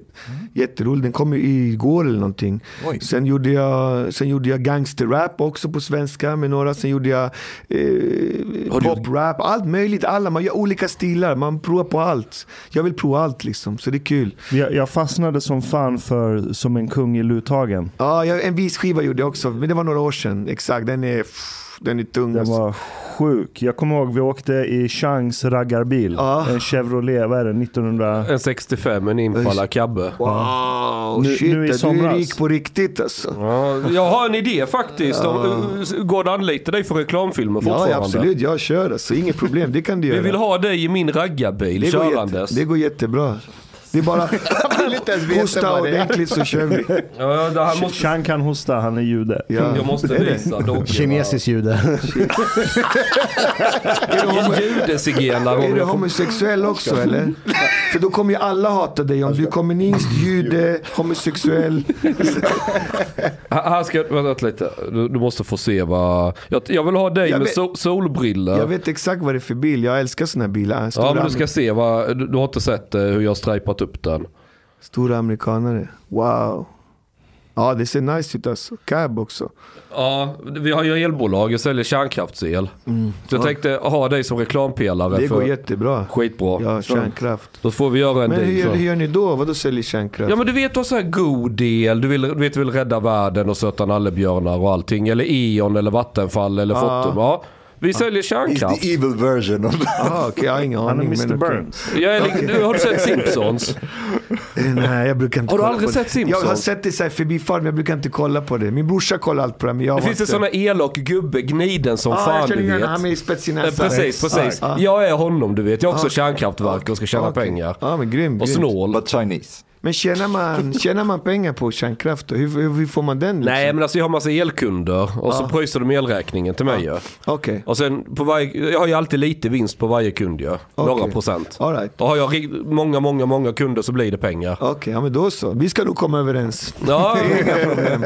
Det går bra. Det är bara dig jag, jag gnuggar redan händerna. Så. Ja, kör, kör. När du växte upp, Ja. eh, förutom musiken, eh, så här, kulturellt, vad, vad gillade du? Alltså filmmässigt och, och sådär. Jag har alltid gillat, eh, vad ska jag säga, musik, film och litteratur. Det är de tre sakerna. Jag kommer ihåg eh, en kompis, som, han, han hade också startat någon podd. Och då berättade han så här, "Ah, jag kommer alltid ihåg när jag kom hem till dig så hade du alltid massa böcker. Så jag har alltid gillat att läsa mycket och så här. Så det, Det är en grej som jag alltid imponerats av när jag har lyssnat på dig genom åren. Det är att du har, vad ska man säga, du har ett rikt ordförråd och du vet vad du liksom pratar om. Om man jämför det med dagens hiphopartister så tycker jag att det fanns en så här intellektuell spänst i, i hur du producerar musiken. Tack för det. Jag tror att det var mycket mera sånt tänk när vi var unga och var lite rebelliska med Latin Kings. Idag tror jag har släppt lite där. Idag vill man bara vräcka ur sig lite mer. tror Eftersom klimatet är lite mer så. så att jag tror att, eh, men jag tror att framtidens rappare kommer komma med mera, mera intelligens och mer sån spänst. Det det är ju det vi har saknat inom svensk rap. Så det kommer säkert här framöver. Lite mera conscious rap om man säger. Liksom. Medveten rap. Som det blev sen i USA efter gangsterrap-eran. Så vi får se vad som händer. När ni var som mest i hetluften med Latin Kings, var det någon grupp som ni var lite i luven på varandra med? Konkurrensmässigt och... Nej, jag tror inte. Vi var så säregna och hade sån egen stil och gjorde allt eget. Så vi, blev, vi blev nog mer en institution. Liksom. Vi blev något annat. Vi, det, det var liksom ingen som gjorde våran grej eller hade våran grej. Så det var ingen annan rappare ni kidnappade? Eller så här? Nej, sånt. Nej, vi håller inte på med sånt där. Det, du vet, jag tror att jag tror att vi kom från det här politiska hållet, liksom, där man vill förbättra samhället. Liksom. Det var en grej jag ville fråga er om. För en, en sak som jag märkte när ni var som mest aktuella, det var ju att ni fick på ett knä typ alla problem som har med invandring och integration att göra. ja. Alltså att alla ville, så här, bara för att ni rappade om det så var det som att de här är experterna också. var det exakt. jobbigt att... Jag tror inte vi tänkte på det så mycket då, för vi var väldigt unga. Men helt plötsligt skulle vi svara på alla inva- invandrarfrågor i Sverige. Och det, det blir svårt. Liksom. Vi kan inte, om man kollar ordet invandrare, vi kan ju omöjligt representera alla invandrare. Ordet invandrare innefattar 160 olika nationaliteter. Jag har ju ingenting med iranier, eller kineser eller egyptier att göra. Hur ska jag kunna svara för alla dem? Så på så sätt blir det svårt, för vi var väldigt unga också. Så de, de hela tiden körde det där liksom, de frågorna. Och jag vet inte, jag, vi försökte nog svara så gott vi kunde då som unga. Liksom. Alltså and, finns you were like, uh, and you were like, I can represent half Caribbean, half Swedes, Swedes. Ja, alltså, det, men samtidigt, så, så, samtidigt måste man komma ihåg att det här var en speciell tid i Sverige. Samtidigt kanske vi åkte till Fagersta. Och du vet när vi kom till Fagersta fanns det en pizzeria. Du vet, pizzabagaren han kramade oss. Han grät. Han älskade oss. Han bara nej, ni behöver inte betala. För att Han var även om han var från Iran så representerade vi honom, tyckte han. Så då blev det ändå, våran grej blev så här, vi har mycket ansvar här ändå liksom. Det blev, någon, det blev en annan kamp för oss. Så att det, blev mycket, det blev mycket större än bara det musikaliska. Alltså jag kommer ihåg, vet, det, Det- det- finns det var- clips Ja. och radioinslag där ni är med olika tv-program och får sjukt svåra frågor Ja. om så här, integration, politik, invandring. Frågor som partiledare brukar få. Och man frågade dem verkligen som att här har vi nu experterna med oss i, i studion. Och det var, Om man kunde se på ditt ansikte ibland att det bara, yo, vi rappar liksom. Alltså ibland, jag tror det finns till och med det finns till och med inslag när vi bara ingen svarar. Ja. Vi vet inte vad vi ska... Det är helt tyst typ. Alla bara, Det måste vi hitta och vad ska klippa vi in. svara? Alltså, det går inte att liksom... But is, is it uh, strange, really? Because because like uh, here, like there, when it comes to a lot of these questions, it's much more about narrative than about truth or reason. So it does not really matter. So that the narrative basically is that they are of immigrant background. Jo, Then men, they det sa, can. men det sa också någonting om Sverige på den tiden. Hur, hur svenska samhället och svenskar var, ska man säga, frågandes och okunniga kanske. Och de visste inte vad, hur man skulle approacha ämnet. Och då blev, bara för att man lyssnade på Latin Kings var det som att ah, de ska visa oss hur allting fungerar. Men så var det ju inte. Ni var, ni var en liten pusselbit i det hela. Ja, det blir svårt alltså. Jag kommer ihåg att, jag kommer ihåg en gång när det stod i en tidning så här, och då stod det så här, invandrarbandet. Jag tyckte det var så skitkonstigt. Jag har inte invandrat från någonstans. Jag är född här. Min mamma är svensk. Och vi sa invandrarbandet. Bara, Okej, Salo Cheppa invandrare, de föddes i Chile och kom hit i kampen. Men det, det, det var så konstigt liksom. Så här. För vi ville ju bara rappa till våra polare egentligen. Sen att vi blev kända det, det var skitkul, absolut. Men vi trodde ju inte att vi ens skulle bli någonting. Även om jag hade en dröm när jag var liten. Och bara, när jag blir stor ska bli Sveriges största rappare och bla bla bla. Det var en kamp som jag hade personligen. Och när jag läste det här invandrarbandet, det var så här. Det kändes så konstigt. Visst, min farsa hade invandrat från Karibien hit, men Do you remember who who uh, labeled you that way? nej, jag kommer inte ihåg. Alltså. Jag kommer bara ihåg den där frekvensen. Det, liksom. Hur, hur gjorde ni er första skiva? Kommer du ihåg hur det gick till? Ja, det kommer jag ihåg. Det kommer jag aldrig glömma. Hur var det? Jag läste på gymnasiet, eh, tre år i handel och kontor. Den är tvåårig egentligen, den linjen. Men jag läste eh, extra året, så det blev treårig. Liksom. Och, eh, Handel och kontor, vad blir man då? jag vet inte vad... Någon som Jag, sköter bokföring på något statligt verk. jag har ingen aning vad man blir faktiskt. Tänk om du hade hamnat där, Jag tror man blir kassör på ICA på sin höjd. Liksom. Det blir, alltså, men det roliga var att någon har lagt ut på, på nätet, som jag har kopierat lagt upp också, att jag har bättre betyg än svenska förra energiministern. Jag såg det. Han har bättre betyg och så var det, de bara, eh, det här är bara fake. Men då hade, någon kommit, gör Farman. då, Nej, hade, nej, då hade de letat fram hans betyg och det stämde. Jag trodde själv att det var fake, men Vad det stämde. heter han som inte kunde hitta ett säkert rum? Eh, Ygeman. Ja, Dogge har bättre betyg än Ygeman. Ja, och han, hade, och han, skulle, ju- han, är, ju- han skulle, är han finansminister nu eller vad är han? Nu är han finansminister. Ja, Nej, och han har bara tvåa i matte. Va? Är Damberg finansminister? Damberg är Ah, finansminister. Damberg. Så vi, han- vi han är borde ha Dogge som minister han hade bara alltså. Det tvåa blir- i matte. Hajar du den du ska fördela energin och du har bara tvåa i matte. Du fattar ju att det går åt helvete liksom. alltså, du kan ju vem som Om vi helst. får en högerregering så ska jag snacka med mina polare i Moderaterna och SD och KD och, sätta, och be dem sätta dig som eh, eh, energiminister istället. Nej, jag vill nog bli kulturminister. Kulturminister. Okej, k- kulturen är din Dogge. Eh, Men, men första skivan, vad hände? Första skivan, då studerade jag på gymnasiet och vi åkte varje dag in till studion i Solna och spelade in den i Gordon Cyrus studio i Soundtrade 4. Där alla stjärnor spelade in sin studio och, och eh,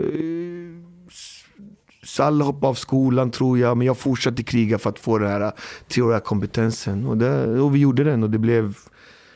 Det gick som det gick, det, resten är historia liksom. Det var fantastiskt.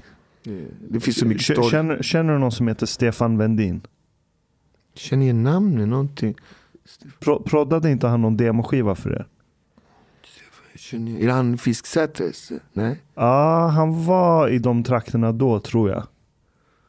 Jag vet inte. Vi hade någon som hade, jag vet inte, det kan ha varit, jag har ingen. Alltså vi hade en kille som vi kallade för Steine.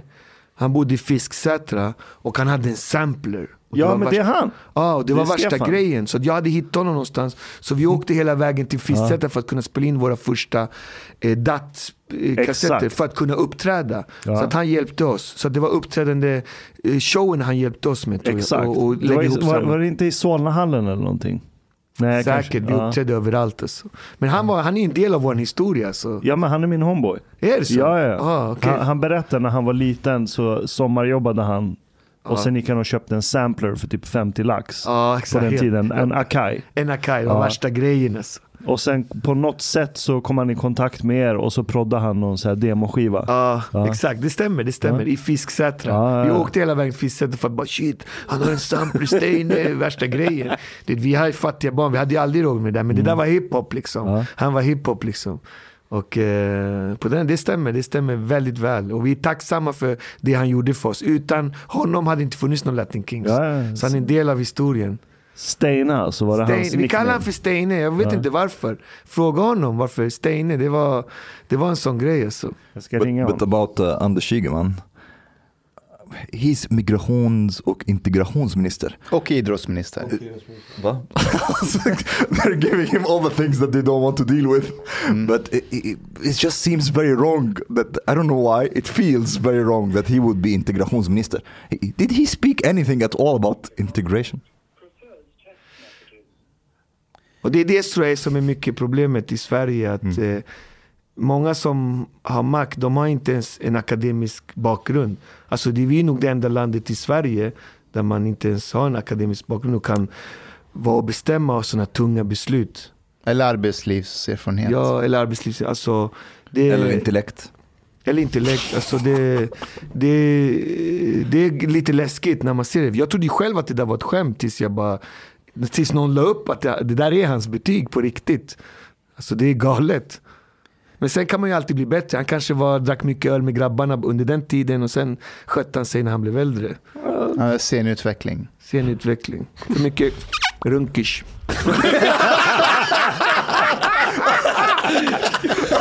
under de åren.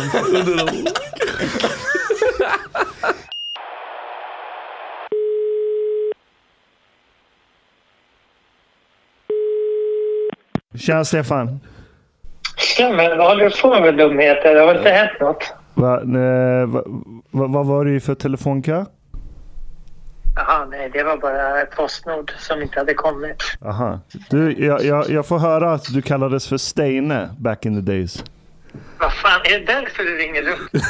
Ja, ja vi, vi, vi, vi spelar in det. Vi sitter här med Dogge. Ah, ja precis. Ah, fan vad roligt. Ja, absolut. Det stämmer bra. Han, han berättade att du, hade, du var i Fiskis när du hade din Akai Sampler. Exakt, det stämmer utmärkt. Det stämmer utmärkt. Ja, ah, fan vad fett alltså. Vi Hör han mig eller? Hallå Steini, fan vad kul att höra från dig alltså. Jag har aldrig glömt dig. Du är ju Latin Kings första riktiga producent med din Akai Sampler i Fiskis. Ja. Ja, men fan vad roligt. Ah. Kul, ah, kul att man har fått tag i dig alltså. Hur mår du? Ja, det är bra. Det är superbra. Ja, men det är väl bara att ta numret från, från Ashkan så kan vi höras. Ja, det ska jag göra absolut. Shit vad vi åkte långt för att komma och spela in hos dig. Ja, verkligen. Tidigt också, på morgnarna. Herregud. Det var Ja, det helt var galet tidigt. hur ambitiösa ni var. Jag tror eh, det var en sån där sak som, som jag aldrig kommer glömma. Ko- ko- Kom Dogge i tid som en kines? I tid som en kines. De åkte från, eh, eh, genom hela stan, eller från ena sidan av stan, genom stan, ända dit ut. Och ändå var de där typ så här, jag vet inte, jättetidigt varje gång. I tid. Eh, chockerande. Jag har aldrig varit med om något liknande tror jag. Eh, det kan man snacka om arbetsmoral. Så det tycker jag var, det var en sån där sak. Tack, tack maestro. som Du gör mig stolt alltså. Kul alltså. Ja, verkligen. Ja, men superkul. Fan vad kul. Det här var en helt otippad sak som kom på en volley. Men ni, ni spelar in till, vad är det nu? Sista måltiden eller? Ja, ja. Men det var ju, vad heter Ah. det, men, eh, men eh, det var väl, vilka låtar var det? Kommer du ihåg låtar? Det var väl Fint väder var, blev, blev med, eller hur? Ja, jag tror det. Jag kommer inte ihåg exakt låtarna. Eh, Jag har ju flyttat ner mina saker till Österlen, till en gammal gård. Och då har jag kvar lite gamla... Jag tror Var det, var, hade du dattspelare inspelningar. också då eller var det det det handlade om? Eller vad var? Ah, men jag vet att jag hade några, några så här som vi spelade in. Men vi hade ju några vanliga kassetter också. Ja, det var på kassettband. Okej, det var den. Okej. Eh, har, har du proddat Fint väder, Stefan? Första versionen var han med och samplade Fint ja, första. väder, Snubben och sen måste det vara någon mer låt. Någon mer låt. Det var tre låtar tror jag vi hade på den här tiden bara. Ja, det var några stycken där. Ja, men det var jävligt roligt faktiskt. Eh, Jävligt udda eh, också träffades i Solhallen tror jag på någon lucia eller någonting. Eh, så spelade ni, och så var det typ, jag tror också Infinite Mass som spelade. Ja, och jag spelade någon konstig drum and bass, eh, jag vet inte vad, breakbeat, reggae-version. Ja just det, så Ja, var det. så- Du var ju DJ eller någonting va, eller hur? Ja, precis. Eh, Men eh, då spelade jag ju någon mer sample faktiskt. Den enda som var där. Jag tror ni gjorde någon playback med, som också var från kassetter. Det är, det är ändå fett roligt att det var från kassettband. Vem kommer ens ihåg kassettband nu för tiden? Ja, jag vet inte. Det var tidigt det alltså. Vilken grej. Ja, men så var det. Just jag minns. Otroligt alltså. Tungt. Jag, jag kopplar ihop er. Stefan Ja, bor i får- Skåne nu i en Ja, gård. i- Skåne. Ja, men jag, kan, Ja. jag åker mycket i Sverige runt så jag får ringa när jag åker förbi. Ja, kom! Det finns ett gästhus. Ta med bara och kom hit. Det ska jag göra. Så hänger vi. Ha det gott man! Ha det gott, men tack, men. Vi kommer också Stefan. Vi kommer också. Kram, hej. hej. Han bjöd Nej. bara mig. Han bjöd inte invandrarna. Hur, hur gammal är din dotter nu? Min, jag har tre döttrar min, Ja. eh, och två söner och min eh, äldsta är 20. 20? Ja, 20 år. Och yngsta. Yngsta är Manolito, han är ett och ett halvt år. Eller han fyller två nu i april. Han fyller två i Oh, april. wow. Så det är aldrig för sent att få Nej, det är aldrig för sent alltså. Som min farsa sa, han bara du får skynda dig innan pungen hänger nedanför knäna. För då funkar det inte längre.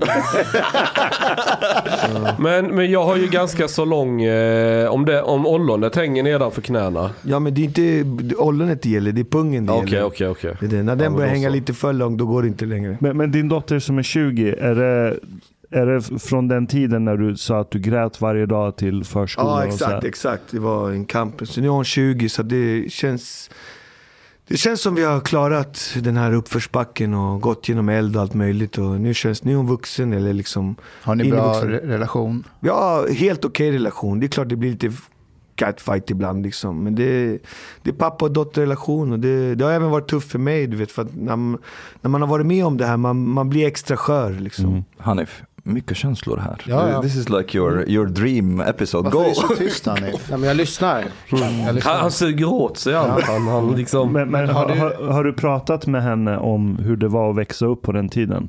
När du gick igenom allt det här? Någon gång, inte jättemycket sådär. Du vet, den här generationen är väldigt annorlunda. Jag tror inte, Mm. du vet, man måste förstå också, jag är en gammal gubbe för dem. Liksom. De är fett trötta på mitt tjat och gnäll. Och, som vi själv tänkte om våra föräldrar kanske när de tjatar och sådär. Så det, det, det där brukar jag spela in. Jag bara, eller tänka för mig själv. Bara, shit, det, jag är ju själv så här. Liksom. Jag är själv där nu där min farsa var på den tiden. Så man försöker ändå försöka vara nymodig och liksom med i deras grej på något sätt. Så att man inte blir den där äh, gamla tjatgubben. Men jag har ju någon dotter som är yngre som är på väg in i tonåren. Där smäller det dörrar och bara jävla gubbjävel och bara yes, jag är gubbjävel liksom. Du, Du, du verkar ha en så här eh, vishet och självinsikt. Har du alltid haft den? jag, jag vet inte, folk har sagt att eh, jag bjuder mycket på mig själv och, och eh, jag är glad och glädjespridare. Men samtidigt har jag också ett väldigt djup. Liksom. Och eh, komma in i det här djupet, det är svårt att komma dit. Man måste lära känna mig väldigt bra. Liksom. Och eh, jag tror djupet har jag fått av att hur, hur mitt liv har varit med alla de här motgångarna, uppförsbackarna och knaset och allt vad som har hänt. Det är det som har gjort det här djupet. Jag, jag har levt, jag har fått vara med både på toppen och botten och, och det har gjort att jag har blivit den jag blivit. Sen, jag vet inte, det är väl det tror jag. Eh, En sak som vi återkommer ofta och som du berättar själv också att du har haft lite eh, missbruksproblem. Mm. Ja. Hur ser du på droger idag? Ja, Jag, jag försöker hålla mig borta från allt som har med droger att göra. Och jag kommer inte gå härifrån och röka en fet joint nu som en del som säger så. Men jag, eh, jag har själv tagit droger under många år. och Det var egentligen inte någon specifik drog tror jag. Det var för att dämpa min ångest. Och då, när vi var små, vi var så fattiga så vi hade inte råd med droger. Så vi tog alla droger som kom framför oss. Alltså var det alkohol, vi drack det. Var det tabletter, vi tog det. Var det någon som hade röka, vi rökte det. Alltså, man tog allt bara för att ta någonting. Bara för att bli fucked up. Och det gjorde väl att man fick sin liksom beskärda del av det. Och eh, höll på med det under många år under ungdomen. Liksom. Sen när vi började rappa, då kunde man ju röka och dricka på jobbet. Så det var inget konstigt. Det var ju, det var ju meningen att man skulle vara flummig och full när man var rappare. Så vi kunde till och med knarka på jobbet. Så att det var Var liksom... det någonting som skivbolagen underlättade på något sätt? Nej, inte i Sverige tror jag. De var, de var inte så. De var nog rätt trötta på sånt liksom. Men jag tror att jag kommer från förorten. Där är droger så normaliserat. Jag växte upp där folk rök i trappen. Du kan prata med dig och stå och röka en fet. Och det var inget konstigt liksom. Vi kunde gå hem till folk och röka. Och varje dag när jag gick till skolan när jag var liten luktade det konstigt i trappen. När man var eh, sex år i första klass. Redan när man var åtta år, då visste man att aha, är marijuana. När vi var elva, då rökte vi själva redan. Jag kommer ihåg min första joint när jag rökte med bacon. Vi rökte den på Albyvägen typ 11. Och vi rökte, han bjöd och vi rökte fett så här, bara, "Ey, Vi har kommit över droger vid röken. Vi rökte, vi var skitglada att vi kunde röka liksom. Vi kände oss vuxna och stora. Och sen han blev helt flummig och jag Vem, kände vem är inget. Bacon? Det är en legend, kriminell från Alby. Alltså, legendernas legend. Typ. Och sen, jag kände ingenting. Jag bara, vad är det här? Jag känner ingenting. Du vet. Det hände ingenting med mig. Liksom. 11 var du? 11 år, 11 år. Och jag kände ingenting och då, då var det ingen stor grej för mig. Men sen när jag blev lite äldre, började få lite depressioner, började få lite hår på konstigt ställe. Du vet, man får hormoner, man går in i tonåren. Då, då kom drogerna tillbaka på ett annat sätt. But Liksom. didn't you fall on top of somebody when after you've smoked one time? I think it was in the... Du pratar om det i ditt sommarprat, Ja. att någon ger dig en joint. Du vet inte vad det är och så Men- ramlar du på någon, nå- nå- någon alkis som... Ja, det där är också en lång historia. Jag vet inte hur mycket tid vi har, men jag kan berätta. När jag var liten så... eh, Har vi börjat spela in? När jag var liten så såg jag på TV och då var det en rysk astronaut som hette Gagarin. Och han åkte runt, han var ju första mannen i rymden. Och, eh, Gagarin. Gagarin, han, han blev ju Yuri Gagarin tror Ja, jag. ja, ja. Han blev ju en världskändis. Så då såg man så gamla journalfilmer, han åkte runt i så öppen bil och vinkade och alla vinkade. Som. Han blev en kändis liksom. Och jag blev så imponerad av det där. Och bara wow vad häftigt. Så jag byggde min egen sån här astronautdräkt i kartong och grejer, tejpade. Och man ville vara som honom. Och så tänkte jag så här, vad är högsta platsen i Alby? Och det är på våra tak. Och vi bodde på så här sju, åtta våningshus. Och jag gick upp där på taket, men du vet, på taket, det var inte alla som vågade gå dit. För att när du kommer högst upp i trappen, då måste du gå igenom en lucka. Och genom luckan, där bor alla duvorna och det är skitmycket bajs. Och du, när du går in där, det blir så, så massor med duvor. Och det var alltid så barn, när vi var små, som att de, vågade, de var rädda för duvorna. De vågade inte gå in där på grund av någon jävla duva. Medan vi som var lite modiga, vi gick igenom det där, gick upp på nästa lucka och då kom vi ut på taket. Och på taket hängde alltid de tuffa killarna, de som var lite kriminella, de som rökte, de som knarkade, de som tog dit sina guzzar och pullade dem. Eller, du vet, det var där de hängde för att dit kunde ingen komma så att säga. Så jag gick dit med min rymddräkt och lekte att jag gick på månen typ sådär. Och, och gick runt med den här rymddräkten och då kom det en sån här tuff kille. Och är man från Alby, man, man måste svara med samma dialekt så att säga. Så han sa så här, vad ska du lille man? Och, och jag visste inte vad jag skulle svara. Det var, du vet, ibland äldre i orten när man är liten och pratar, de pratar som om det är ett hot. Du vet, om man är från förorten på riktigt, då vet man den där. Och då gäller det att man svarar med samma ton ungefär. Och då svarade jag honom så här. Jag ska bli första blatten på månen.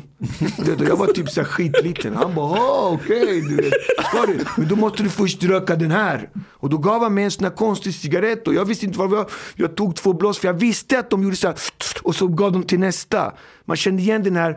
De gjorde alltid så här när vi var små. Så vi kände igen det där. Så jag tog så här och skulle vara tuff. Och gav tillbaka. Och han, han tog några okej. så han gick tillbaka till sina grabbar lite längre bort på taken. De här taken i Alby, de är skitstora. Och det är skithögt liksom.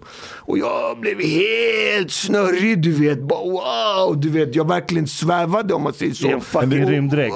I en- Uppe på taket. Yeah, yeah. Och här rymddräkten och liksom jag gick så och så råkade jag trampa över kanten och föll neråt. Alltså jag ramlade från hustaket. Och Vad- Vilken våning är vi på? sjuan. Fast om man räknar, det blir åttan om man räknar taket också. Men i tvåan eller trean, då hade grannen köpt en för stor parasoll. En stor jävla parasoll som hängde ut. Så jag flög rakt igenom den så här. Bra, bra! Och precis innan jag landade i marken, då hade alkisen på tvåan gått ut porten. Så jag, bam, jag landade på honom. Jag reste mig upp och bara, wow, vad händer? Så då låg han typ med spräckt skalle och det var så blod och jag var liten. Oj, du vet. shit. Jag bara ah, shit. Jag blev så här skitig och tittade liksom. Vad hände? Jag hajade ingenting. Så Och jag blev fett bäng också. Ja, så jag blev fett rädd, sprang in i trappen, tryckte på femman, åkte hem och du vet, öppnade dörren, sprang in och var rädd. Så letade efter mamma, men hon var inte hemma. Och jag blev så rädd så att jag visste, jag bara shit, fan han dog den här mannen. Jag dödat någon, du vet. Alltså som ett barn. Det, det var hemskt. Och jag, shit min dräkt den är en bevis. Det är en bevis, jag måste göra någonting. Så jag tog min dräkt, gjorde en boll av den, gick ner till soporna, försökte gömma den bakom sop, eh, eh, soppåsen. På den tiden var det så stora säckar där man kunde slänga i grovsoporna. Jag vet inte om hur mycket förord ni men när vi var små då kunde min farsa eller min morsa gå till soporna. Välj vad du vill till ditt rum. Det var typ våran leksaksaffär när vi var små. Man fick ta någon möbel eller något till sitt rum, du vet. För vi var så fattiga, du vet. Så man kände till de där områdena liksom. Grovsopor, du vet. Jag vet inte vad ni har för relation. Men hur som helst så Gick jag upp, hade lagt den där, men jag blev så nervös. Jag bara nej, tänk om de hittar den där bakom. Så jag gick ner igen, tände eld på min kartongdräkt. Och det, hela soprummet började brinna. Jag bara shit, är ni med kaos, vad ska jag göra? Jag pissar på elden, jag pissar på elden. Men då kom det så konstig rök istället. Det blev så rökutveckling typ. Och jag mådde så dåligt alltså. Sen somnade jag på soffan hemma. Sen vaknade jag dagen efter, gick till köket och då stod min brorsa och bredde så mackor. Han bara ey, har du hört vad som har hänt? Jag bara nej. Han bara våran granne han halkade och dog. Jag bara va? Är du säker? Dog han? Ja, hela skallen var helt spräckt. De hämtade honom, han bara dog rakt av. Jag bara är du säker att han dog? Ja, han var stendöd. Och jag, du vet, i tre, två veckor, inte hur länge jag hade ångest. Jag orkade inte ens, jag var så ledsen du vet och var så rädd. Så en dag på väg till skolan, efter att ha gått ett tag gick jag till skolan. Och det var med min väska och i Alby där vi borde gå upp för en liten backe. Så jag gick upp för backen. Och när jag kom upp på krönet, då kom den här alkisen med en pannband sådär. Så här, ah, bandage typ. Och, hey! och vinkade. Och jag såg honom. Jag bara shit han lever. Och efter det så blev jag kallad på gården första blatten på månen. Det här är den bästa antidrogreklamen jag har hört i hela mitt liv. Den är helt fan... Ingen hade kunnat skriva den. And, and imagining like it could have gone the other way if you believed in ghosts. you see that man. Alltså, jag, ghost. jag försöker se det framför. Hur gammal var du? Ja, nio, åtta, sju däromkring. Shit. Och, I en eh, rymddräkt på i, I taket. kartong så här. Bäng. Ja. Trillar ner och träffar alkisen alkis. i huvudet. Hur ska han Eh, berätta det sen för andra? Alltså det här finns inte. Det här finns Kan vi hitta inte. den där alkisen idag? Sen, eh, jag hade glömt bort den där storyn till jag träffade den här killen sen som påminner mig. För han som hade gett den, han påminner mig om det. Han bara kom ihåg den där gången jag berättade. Så jag bara shit, jag hade glömt det. Så jag gick hem och skrev ner den. Och eh, vad heter det? Eh, då döpte jag en skiva som heter eh, Första blatten på månen. Och det finns en låt där jag berättar hela den storyn som heter Första blatten på månen också. Det albumet. Så så började det faktiskt. Så det var, en, eh, det var en otrolig tid där vi växte upp i förortshusen i Alby. Och det var sådana saker som hände. Jag kan berätta tusen sådana stories, kanske inte så extrema men det hände mycket där alltså. Vi, vi såg mycket där när vi växte upp i de här gårdarna. Och det var en eh, otrolig tid på 80-talet i Sverige. Alby, när du växte upp och idag, Mm hur skulle du säga att det har förändrats? Jag vet inte. Det som har hänt är väl att när jag växte upp kanske var 80-30% av svenskar invandrare. Sen blev det 50-50. Sen började det gå åt andra hållet. Idag är det uppe i kanske 80-90% folk från resten av världen. Det är väl största ändringen. Sen eh, tror jag att eh, utslagningen och kriminaliteten har blivit bredare så att säga. Folk har det tuffare och sämre. Det är väl det typ. Men känner du dig hemma i Alby idag? Jag kan inte känna mig mer hemma någon annanstans. Jag har ju aldrig bott någon annanstans. Jag är född, fostrad där och det är klart jag känner inte alla där nu för tiden som jag kände när jag var liten. Var det jag tänkte, den, den demografiska förändringen. Ja, det har ju ändrats, så är det ju. Jag kan inte känna alla men jag har bott där så pass länge så man känner ju de som också har bott där länge så att säga. Och man ser kompisar som har fått Vad, barn vad tänker du om ungdomsgängen där? Ja, det, det fanns ju det när vi var små. Liksom. Det var en sån som gav mig den där. Och det, de, de fanns redan då, så det är inget nytt fenomen. Det, jag brukar säga till folk, vill du se framtiden i Sverige, åk till Alby centrum och titta. Så kommer Sverige se ut i hela Sverige. Känner du till den här familjen som förlorade sin dotter Det var ju en 12-årig tjej Ja, som... jag känner inte familjen, men vi var där och tände ljus och la blommor Alltså och sådär. Adriana. Ja, och min, min eh, dotter som var i samma ålder, hon är 12 min dotter, hon blev jättepåverkad och blev väldigt ledsen att det hände liksom. Så det, det var ju någonting som påverkade hela bygden tror jag liksom. Så att, eh, men sen också, är det, när det händer sådana grejer, det händer i Botkyrka tyvärr. Det är Men, men jag har en fråga, för jag bodde ju i Hallunda på Havre. Vi träffades i SVT, jag vet inte om du kommer ihåg. Ja, det på det här programmet. Ja, På invandrarprogrammet. precis, Du precis. säger invandrare i kvadrat. va? Ja, exakt. Eh, och jag brukar ju, redan då drev jag ju min hatsajt du vet. Ja, nej, jag har Så- ingen koll på det. Men Nej kör, skitsamma, men sån här eh, hot mot demokratisajt. kör. Mm. Ja, så jag var ute och intervjuade många så här, det hade hänt någonting. Ja, Och jag kommer ihåg i Alby så hade de rånat kiosken, du vet du har tunnelbanestationen. Ja. Så finns det som ett litet torg, du vet på dagen så har de ja, ett torg i ja, exakt. Jag Ja. vet exakt vilken kiosk också. Ja exakt, ja du vet. Ja. Och den hade varit rånad. Och jag kommer dit typ en timme efter det har hänt. Är det här när du bodde i Hallunda? Ja, ja, ja. Ja. Och jag har med kameran och, så, och sådär. Och har med min bandare och frågar kan jag få intervjua liksom. Frågat vad Ja. som har hänt. Ja, kom imorgon eller någon dag senare. Så jag kommer dit. Snackar med dem. Och då berättar de att du vet, de hade kommit med pistoler och det var morsan var då, hennes son Ja. och någonting. Och de liksom hotade morsan att skjuta henne. och Han, blev, det, alltså han var ju helt förstörd efteråt. Ja, jag fattar, han var jag riktigt förstår, ja, förstörd. ja. Och så berättar de det sjuka var att när de springer ut så försöker de ju springa efter ju. Ja, För de hade ju tagit massa cigg och grejer. Då står alla ungdomarna utanför du vet. Och, och som i en halvbåge. Och rånarna, då öppnar de sig så rånarna kan springa vidare. Ja. Men stänger igen när de kom efter, de som äger den. Så de var på rånarnas sida. Är du med? Ja, Allt folk där ute, ungdomarna. Och de sa att de, de, vågar, de, de vågar inte gå till butiken. För de känner att alla är emot dem, ingen är på deras sida. Och du undrar, var det så när du växte upp i Alby när du var liten? Alltså jag tror det, alltså gängen har ju en eh, makt under, över centrum så att säga. Det är där deras arbetsplats är, där de eh, jobbar, säljer droger, gör sina kriminella grejer. Och eh, hamnar man i det så hamnar man ju någonstans i korselden så att säga. Och det, det är så det ser ut tyvärr i Sverige idag. Och eh, så var det väl också när vi var små. Jag kommer ihåg när vi var små, alltså vi var ju så fattiga, vi hade inte en krona, jag lovar dig. Alltså.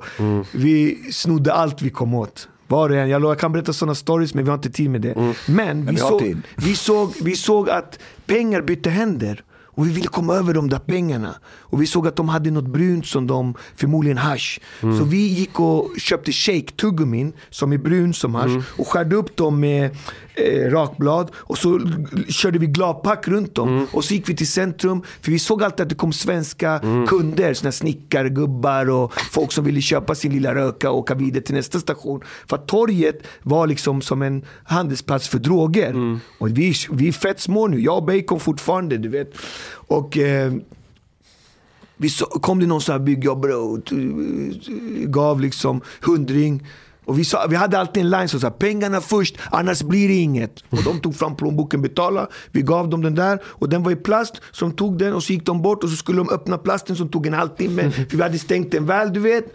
Men när de öppnar och ser att det är shake, då ska de komma tillbaka. Då är vi redan borta för länge sedan. Så det var våran hassel om man säger så. Och vi hade gjort den här hasseln ganska länge, blåst folk, du vet. Och i Alby, om man kommer från Alby, det finns så höga hus. Så att de tror att vi går in i porten, men vi går in i hissen, trycker på ner och så går vi ut på andra sidan. Så de tror fortfarande att vi fortfarande är i huset, men då är vi redan långt borta för länge sedan. Och det var alltid så "Hey, har du sett Bacon? Han blåste mig på 300 spänn. Vi bara, nej, vi vet inte var han är någonstans, du vet. Det var alltid såna här grejer. Och mig hände det att en kille, han kom tillbaka och letade efter mig. Och jag tror att jag var 12-13 år. Och han kom tillbaka och jag, jag stod och pratade så här, och han drog fram en pistol och la den i huvudet mot mig. Han bara, jag vill ha mina 100 spänn nu.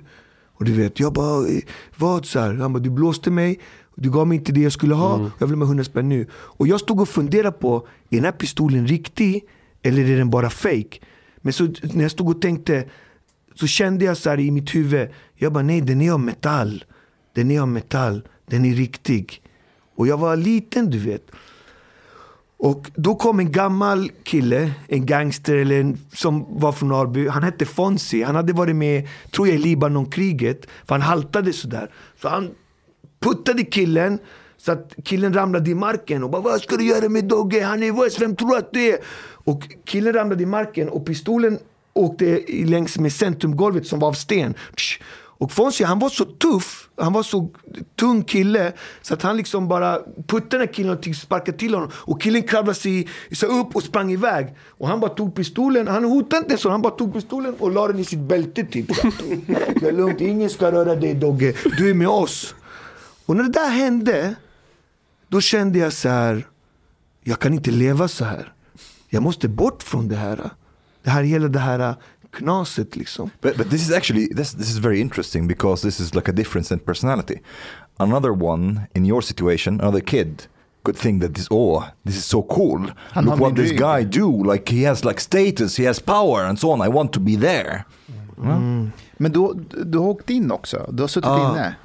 Ja, ja, absolut. Jag slog två poliser på Stureplan och hamnade i, tyvärr i fängelse. Hur, hur uppstod den situationen? Fast jag måste bara berätta klart den här historien. Ja, det ja. finns en liten parallellstory. Och det var att jag hamnade sen på en spelning i, i Norrköping.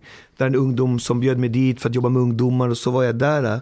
Och det här är många år senare, alltså, vi snackar 20 år, 30 år efter allt det där. Den där incidenten när jag var liten. Och då, vad heter det, ska jag gå och äta, de här svenskarna som har bjudit mig dit för att prata med ungdomar i någon sån här invandrarförort. I, Navesta jättetrevliga. eller Hageby eller Ja, någon sån här Skäggetorp tror jag. Är det, det? Det är Linköping. Det är Linköping. Ja, jag tror det var kanske Linköping då, eller något sånt där. Och då går vi till någon sån här restaurang och så står jag och beställer och så ser jag en farbror som är kopia av han Fonzie. Och då går jag dit, heter du Fon-" Han bara, "Äh, Dogge, wow. han har blivit gammal. Och då tänker jag, shit vad livet är otroligt. Den här killen har räddat mitt liv. Och, eh, så att, eh, det är sorgligt hur livet kan vara.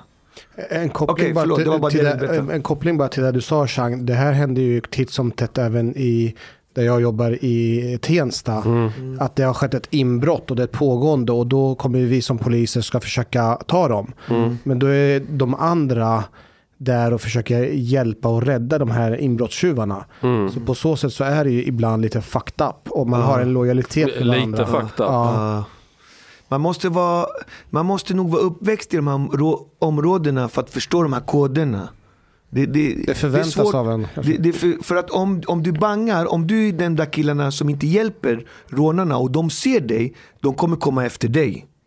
Och tänk att du är kvar där, du bor där, du lever varje dag, dina föräldrar bor där. Förstår du? Så att de hamnar ju i en, vad ska man säga, moment 22 situation. Så alla dras med i kriminalitet vare sig de Inte vill. alla, det är om du har varit inblandad i... Inte dras Ibland med, men, kan du dras in, absolut. Men men, men, Men du blir en del av den. Du förväntas vara lojal med de kriminella. Exakt, det, det är bättre för dig att vara lojal med de kriminella än att vara hedlig och försöka hjälpa polisen. För det, du har mer att förlora på det. för polisen kommer ju bara se då, den där Ja. dagen när de är där. Mm. Men sen när du går till skolan varje dag. Jag var livrädd, för att när jag var liten så gick jag i ena skolan som var där jag kommer ifrån. Och sen när man började sjuan, då började man i Albyskolan. Det var största gangsterskolan ever. Tack och lov, de har jämrat den med marken med bulldozer. Den finns inte kvar. Men då var jag tvungen att gå igenom centrum varje dag till skolan. Och jag bara, på centrum. Man visste aldrig vad som kunde hända. Du kunde bli rånad, tjuvad, misshandlad, knivhuggen, vad som helst. Och det hände grejer. Och jag kommer aldrig glömma en dag när jag är på väg upp i rulltrappan, upp där jag kommer ifrån. Då kommer en sån här kriminell. Han bara, hej! För alla kände mig du vet. Så här. Och jag hade en storebrorsa så de kände vår familj. Han bara, Dogge kom, kom, kom. Han bara, du ska hjälpa mig. Jag bara, vad ska jag hjälpa? Du vet? Jag ville bara sköta mig. Du vet? Jag vill inte bli inblandad. Han bara, du, du, du, du vet var jag bor, min port. Du går dit och kollar om det är några snutar. Och så uh, vinkar du till mig. Om du, om du ser några snutar. Om det är snutar, då vinkar inte. Då går du bara in eller går vidare. Jag bara, men jag vill inte, jag, vill, jag, jag, jag kan inte. Du vet, det kommer bli problem. Han bara, ta 100 kronor. Jag bara, nej, nej men jag vill inte ta 100 kronor. Jag bara, men varför? Han bara, jag har rymt precis. Jag vill bara se om snuten med det är ingenting. Jag kommer inte anklaga ingenting. Och du vet, han är vuxen bre. Jag är en liten pojke. Jag bara, okej. Och vi, går- vi börjar gå mot hans hus och vi kommer så uppifrån. För i berget är det så, här, så ser vi hans hus där nere. Och jag och han står och tittar länge, vi ser ingenting. Han bara, gå ner, gå ner nu, gå ner. Jag bara, okej. Jag bara, vad ska jag göra? Du ska bara vinka. Om inte snuten är där, så vinkar du. Om du ser någonting, då går du inte in, du går bara vidare. Så vet jag. Jag bara okej, alright. Jag är skiträdd du vet. Jag kanske är 13-14 år. Jag går i sjuan eller åttan. Och han är ökänd kriminell, huggit folk, suttit inne, rånat. Han har gjort allt den där, du vet. Och jag tittar, jag går ner. Jag ser ingenting, du vet, tittar. Jag kollar noga, kollar bilar, kollar in i bilar, kollar överallt. Ser ingenting. Och han är där uppe, jag ser han. Och vad gör jag? Det vinkar till honom. Jag vinkar. Och jag bara skönt över. Och så går jag tillbaka, går bort, går upp. Och jag ser han börja gå ner mot huset. Och så fort han sätter handen på handtaget, han ska gå in i sin port. De bara tar honom, griper honom, bam, kastar in honom. Vet du hur jag mådde? Under lång tid. Jag vet inte vad som hände med honom. Och vad är nästa gång jag kommer se honom? Och vad kommer han säga då?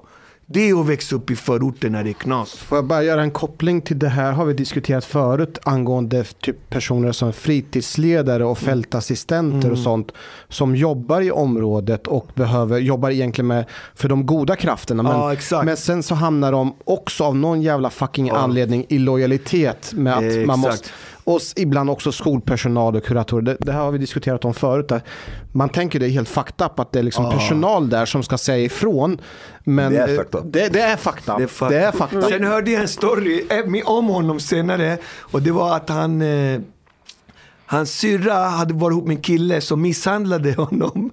Misshandlade henne. Så han hade åkt dit, huggit killen och dödat killen. Och visste inte vad han skulle göra. Så han la honom i en matta, rullade upp honom och kastade ut mattan. Men killen dog aldrig. Han överlevde. Han överlevde. Så att han åkte fast och fick så här flera år för det typ. Förstår det du? kanske. Jag säger det bror. Jag säger det bror. Du vill inte hamna i såna här grejer liksom. Men, men jag bara försöker förstå, du bor fortfarande i Alby? ja, jag bor kvar Men dina barn, då växer de upp De där? går i samma skola som jag gick, samma grej, uppväxt på samma Men är du ställe. inte rädd att de möter samma verklighet som du var med om? Absolut, men samtidigt tror jag också mycket kommer hemifrån. Men sen tror jag också det vi lär oss av allt det här. Vi får en eh, kosmopoliti, eller vad säger jag, en, en, en eh, global bild av världen. Man lär oss olika kulturer, olika religioner och det är guld värt. Det kan du inte ens läsa på universitetet. Men den här kriminal... Är du inte rädd att dina barn hamnar i krim... Kriminalitet finns överallt. Det, det, det, det, kommer aldrig, det kommer aldrig komma undan det. Och, och det är bara informera så mycket du kan och Men det vara finns ju där. grader av kriminalitet. Jag menar det du beskriver i Alby så är det inte att bo i Bålsta säger vi. Eller, i, Nej, så är det tror jag inte exakt. eller Men Östermalm. eh, nej, det tror eller jag inte. Nacka. Men det här, det här har vi pratat om flera gånger. Att å ena sidan så kommer man ju från ett ställe som man älskar än. Mm. Och vill säga att det är lika fint och fantastiskt som alla andra ställen. Ja. Men å andra sidan så har man en massa misärberättelser om mord och Ja, ja, sjuka ja. grejer. Och det är en sån jäkla konflikt för att du är representant från området Ja. och måste prata positivt. Ja. Men ändå, alltså, det går inte ihop de här Nej, jag vet, jag vet. Men, dissonans. men jag tror inte, jag tror att Precis som fördomar finns överallt så kommer kriminalitet alltid också finnas överallt. Det hjälper inte att, liksom eh, det är klart att vi ska prata om alla de här grejerna och försöka lösa dem. Så att jag tror det... Men det hur löser man det? jag, ing, jag kan inte det. Jag, ingen, jag kan bara berätta vad jag varit med om. Och Ska poliser det. bli tuffare? Ska folk sitta längre i fängelse? Nu händer det som vi pratade om förut, att Dogge är någon slags expert Ja, för att han har jag, jag rappat försöker hela tiden säga att jag är ingen expert, jag kan inte det och jag, jag har ingen vetenskaplig svar på det. Liksom. Jag, tror att, jag tror att många av de här ungdomarna behöver eh, eh, eh, starka manliga förebilder. Det är vad jag tror. Sen tror jag också att få in dem i samhället, lära dem att jobba eller studera. För att jag tror att de som alla andra har drömmar och har en lägenhet, har en snygg tjej, en fin bil och som alla andra. Jag tror det. Och, och har man inte det om man kommer från ett hem där det är kaos och knas och allting. Då är det lätt att välja den här kriminella vägen. Och det, det, Och tala med de här starka eh, förebilderna. jag tror att de är frånvarande. Många manliga förebilder tror jag. De, de är frånvarande tyvärr. Det där, det där Vad är, de? Jag vet inte vad de är. Det är det som jag frågar. Det, det, det är det jag tror behövs. Och då blir det ingen ordning och reda. För de behövs ju. Och jag tror, jag tror mammorna tar ett jättestort lass. Det är många ensamstående mammor och, och, de, de får, ett, får ett jättestort lass. Jag tror att det behövs många manliga förebilder. Jag hade tur, min största förebild när jag var liten, det var Muhammad Ali. Och det var en slump att jag träffade Muhammad Ali. Eller träffade, jag hittade hans bok. Och jag läste hans bok. Och den blev min vägvisare i livet. Och jag det, Muhammad Ali gjorde att jag gick till en boxningsklubb. Och i boxningsklubben fanns Ratko som lärde mig boxas. Och då lärde han mig disciplin samtidigt. Och disciplinen gjorde att jag kunde ha arbetsdisciplin. Du såg ju Steini berätta, shit den arbetsdisciplinen som ni hade, den fick jag ju från boxningen. Att man går upp, man gör rätt för sig. Jag kanske inte är världens bästa boxare, men om jag tränar bra, gör bra, så kommer jag bli bra. Actually, that's a good point. I mean, uh, discipline is something that is like not talked about almost at all. That discipline is like really needed to be able to like you know. Det är, ett fult, det är ett fult ord i Sverige. Ja, förstår. Du måste ha disciplin. Utan disciplin, och det lärde jag sig- mig av min pappa också faktiskt, att arbeta, ha arbetsdisciplin. För att om du har ett arbete och går och jobbar, du har inte tid att springa runt och kriminella. Men problemet är det, om du inte har någon arbete eller någonting, då är det lätt att hamna i de här gängen, hamna i centrum, hamna med det här, försöka f- fixa pengar på fula sätt och då blir det där. Som jag själv var. Varför tror jag hade en pistol mot huvudet när jag var redan, eh, vad jag var nu, 11, 12, 13 år liksom. I think it is uh, is Joko Willing who who says discipline is freedom or Just something. det, det that this, tänkte på också. uh, actually, this is like really really true because actually to be yourself, a lot of what we do. En del are- säger are- att arbete ger frihet, men det kanske är disciplin. No, but but but here, like a lot of the things that you that you have to do to be who you are is built on building habits and building habits needs discipline. So for example for you to know that you you have to go to school you have to succeed in school you have to like attend the classes you have to do your homework and so on and and to like to stay away from things that can actually take you out of the path that you want to be on this requires a lot of discipline Dogge, jag måste få höra hur det gick till när du slog två poliser på Stureplan. Eh, Det var att vi skulle, vi hade skrivit ett kontrakt, ett miljonkontrakt med Mega Records och vi skulle spela in vår andra skiva i skuggan av betongen. Och då skulle vi fira det eftersom första skivan fick vi inte en saft och bullar. Och jag var ju så besviken. Jag började skriva skivkontrakt med världens största bolag och jag fick inte en saft och bullar. Så när vi skrev... Det hade varit bättre att du gått till SOS, till en socialtant. Ja, exakt. Och jag trodde ju nu är jag klar, nu kommer limousinen, jag är rapstjärna, men det blev ingenting. Så när vi skrev kontrakt nummer två, då hade vi en norrman som hette Tarjengen. Han bara, vi ska festa, ni ska få känna värdighet. Så han bjöd oss på Lilla Pakistan, en restaurang. Och i Lilla Pakistan, han beställde den största drinken till mig, den var så jävla stor. Jag, efter jag drack den, jag kom inte ihåg någonting i stort sett. Men jag höll på med boxning då och sådär. Och sen skulle vi gå på East och festa, men då kom vi inte in.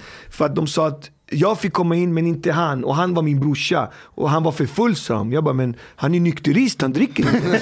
Han, han vad är nykterist? Han har inte druckit ingenting du vet. Så han, jag, det var ingen ljug. De bara, nej han kom inte, han är för full. Jag bara, nej. Och då blev jag förbannad, det var min bror du vet. Och, så, och, då, blev det tumult, och då blev det tumult med vakterna. Men det löste sig sen. Så gick vi upp Kungsgatan upp och så kom det massa polisbilar. Vad är det ni som bråkar? Och jag bara, vadå bråkar? Och då sa polisen, du ska bara vara tyst jävla svartskalle. Och jag var redan så arg då, ung du vet, testosteron. Jag bara, vad säger du bre? Du ska vara tyst jävla svartskalle. Jag bara, säger du svartskalle en gång till, du kommer få en box.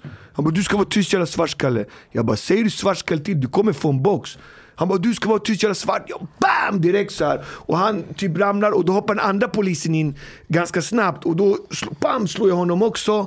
Och sen brottar de ner mig och det blir halvfängelse. Och det blev fängelsedom och jag fick, eh, betal- jag fick skadestånd, betala tusen, eh, 10 000 kronor till vardera polis. Och sen fick jag fyra månaders fängelse tror jag. Men med alla straffrabatter så blev det en månad. jag satt i Askuna i Botkyrka. Alla straffrabatter två dagar. Ja, så, Var det här en stor grej i media? ja, jag tror det var en stor grej då. Så, Vilket år är det här? Eh, jag kommer inte ihåg Låter vilket som år det var. 90-tal. Jag hade, ja det är 90-tal och jag hade Claes Bo- Jag hade Sveriges bästa advokat som bjöd, erbjöd sig själv att ställa upp. Men han var fan sämsta advokat. Varför han var var det? lite magstarkt att slå poliser. jag, kommer, jag kommer aldrig glömma att han sa just det ordet magstarkt. Det är lite magstarkt att... Eh, men eh, sen gick det tio år tror jag. Eller något så här, Men jättelångt. sa de verkligen svartskalle till dig? Ja, de sa svartskalle. Det var ju det som retade. Och de, de visste ju vad de skulle säga. Jag var ju ung, du vet, testosteron. Jag tränade boxning varje dag, du vet. Jag var så här taggad, du vet. Och, Så de ville ha lite bråk? de ville ju att man skulle, de ville att, de, att jag skulle slå dem. Det hade ju varit dag bara, okej säg vad du vill, jag skiter i, du vet. Men eh, jag, jag, jag kände att det var så. Men sen hände faktiskt en fin grej. Sen gick det många, många år. Sen ringde en tant till mig och sa, ja, jag heter så och så och eh, det var så att du, du var med om en incident där eh, ja, min man var polis och eh, ja, ni hamnade i rättegång och du fick fängelse och eh, min man och jag vill eh, be om ursäkt för det. Och eh, vi vill bjuda dig på middag. Och eh, be om förlåtelse för det som hände och sådär. Nej. Jo, jo, för att han, hade, han tyckte att med tiden så tyckte han själv att han gjorde fel. Ja. För då var jag en uppkoming stjärna. Nu har jag varit stjärna i 30 år. Förstår Ja. du? Nu känner de att Dogge är en br- bra kille. Jag är ingen, jag är ingen kriminell som man behöver hålla på och hetsa. Och han kanske hade ändrat sina tankar Ja, kring saker och ting. Var det samma polis som sa svartskalle till dig? Hans fru som ringde. Han ringde inte själv men han Nej, nej, satt Men du träffade honom på middag sen? Nej, eh, låt mig förklara klart. Och, då, och då, sa, då hade de ringt fel dag. Så jag sa, så jag tackar så mycket så att ni har ringt. Jag tar det till mitt hjärta, men jag måste tyvärr tacka nej till den här middagen. Men tack så mycket att ni ringde i alla fall. Och det var det typ. Så att, eh, Varför ville du inte gå? Jag vet, jag var, det var nog bara fel dag de ringde. Liksom. Jag kände bara, jag vill inte. Var det länge sedan de ringde? Ja, det var väl några, många år sedan. Sådär. Men det var, det var en fin gest tycker jag ändå. Att Verkligen. även någon som uttrycker sig så kan ändå med tiden och insikt förändras. Och jag, jag borde ju också skitit och slagit någon och på. "Äh", Du vet, jag kunde bara skitit i det där. Och bara, men jag var för ung, du vet, ung tupp. Du vet, "Äh", jag trodde jag var Tony Montana på Kungsgatan. Tony Montana på Kungsgatan. Ja men liksom, förstår du? Det, titeln. det var ju bara idioti liksom. Kungsgatan. Ja men det var ju bara idioti liksom. Hur var dina två dagar i fängelse? Två dagar, tack. Eh, jag sa faktiskt eh, det som var... Eh, jag, när, jag sa, när det hände här på Kungsgatan, då hade jag sagt till polisen så här, fan shit, ni kom skitsnabbt. För de kom ju så blixtsnabbt till Kungsgatan för att vi hade tjafsat lite i... Och då sa jag till dem så här, men när Palme eh, sköts, vad var ni då? Så jag retade ju dem också ganska mycket liksom.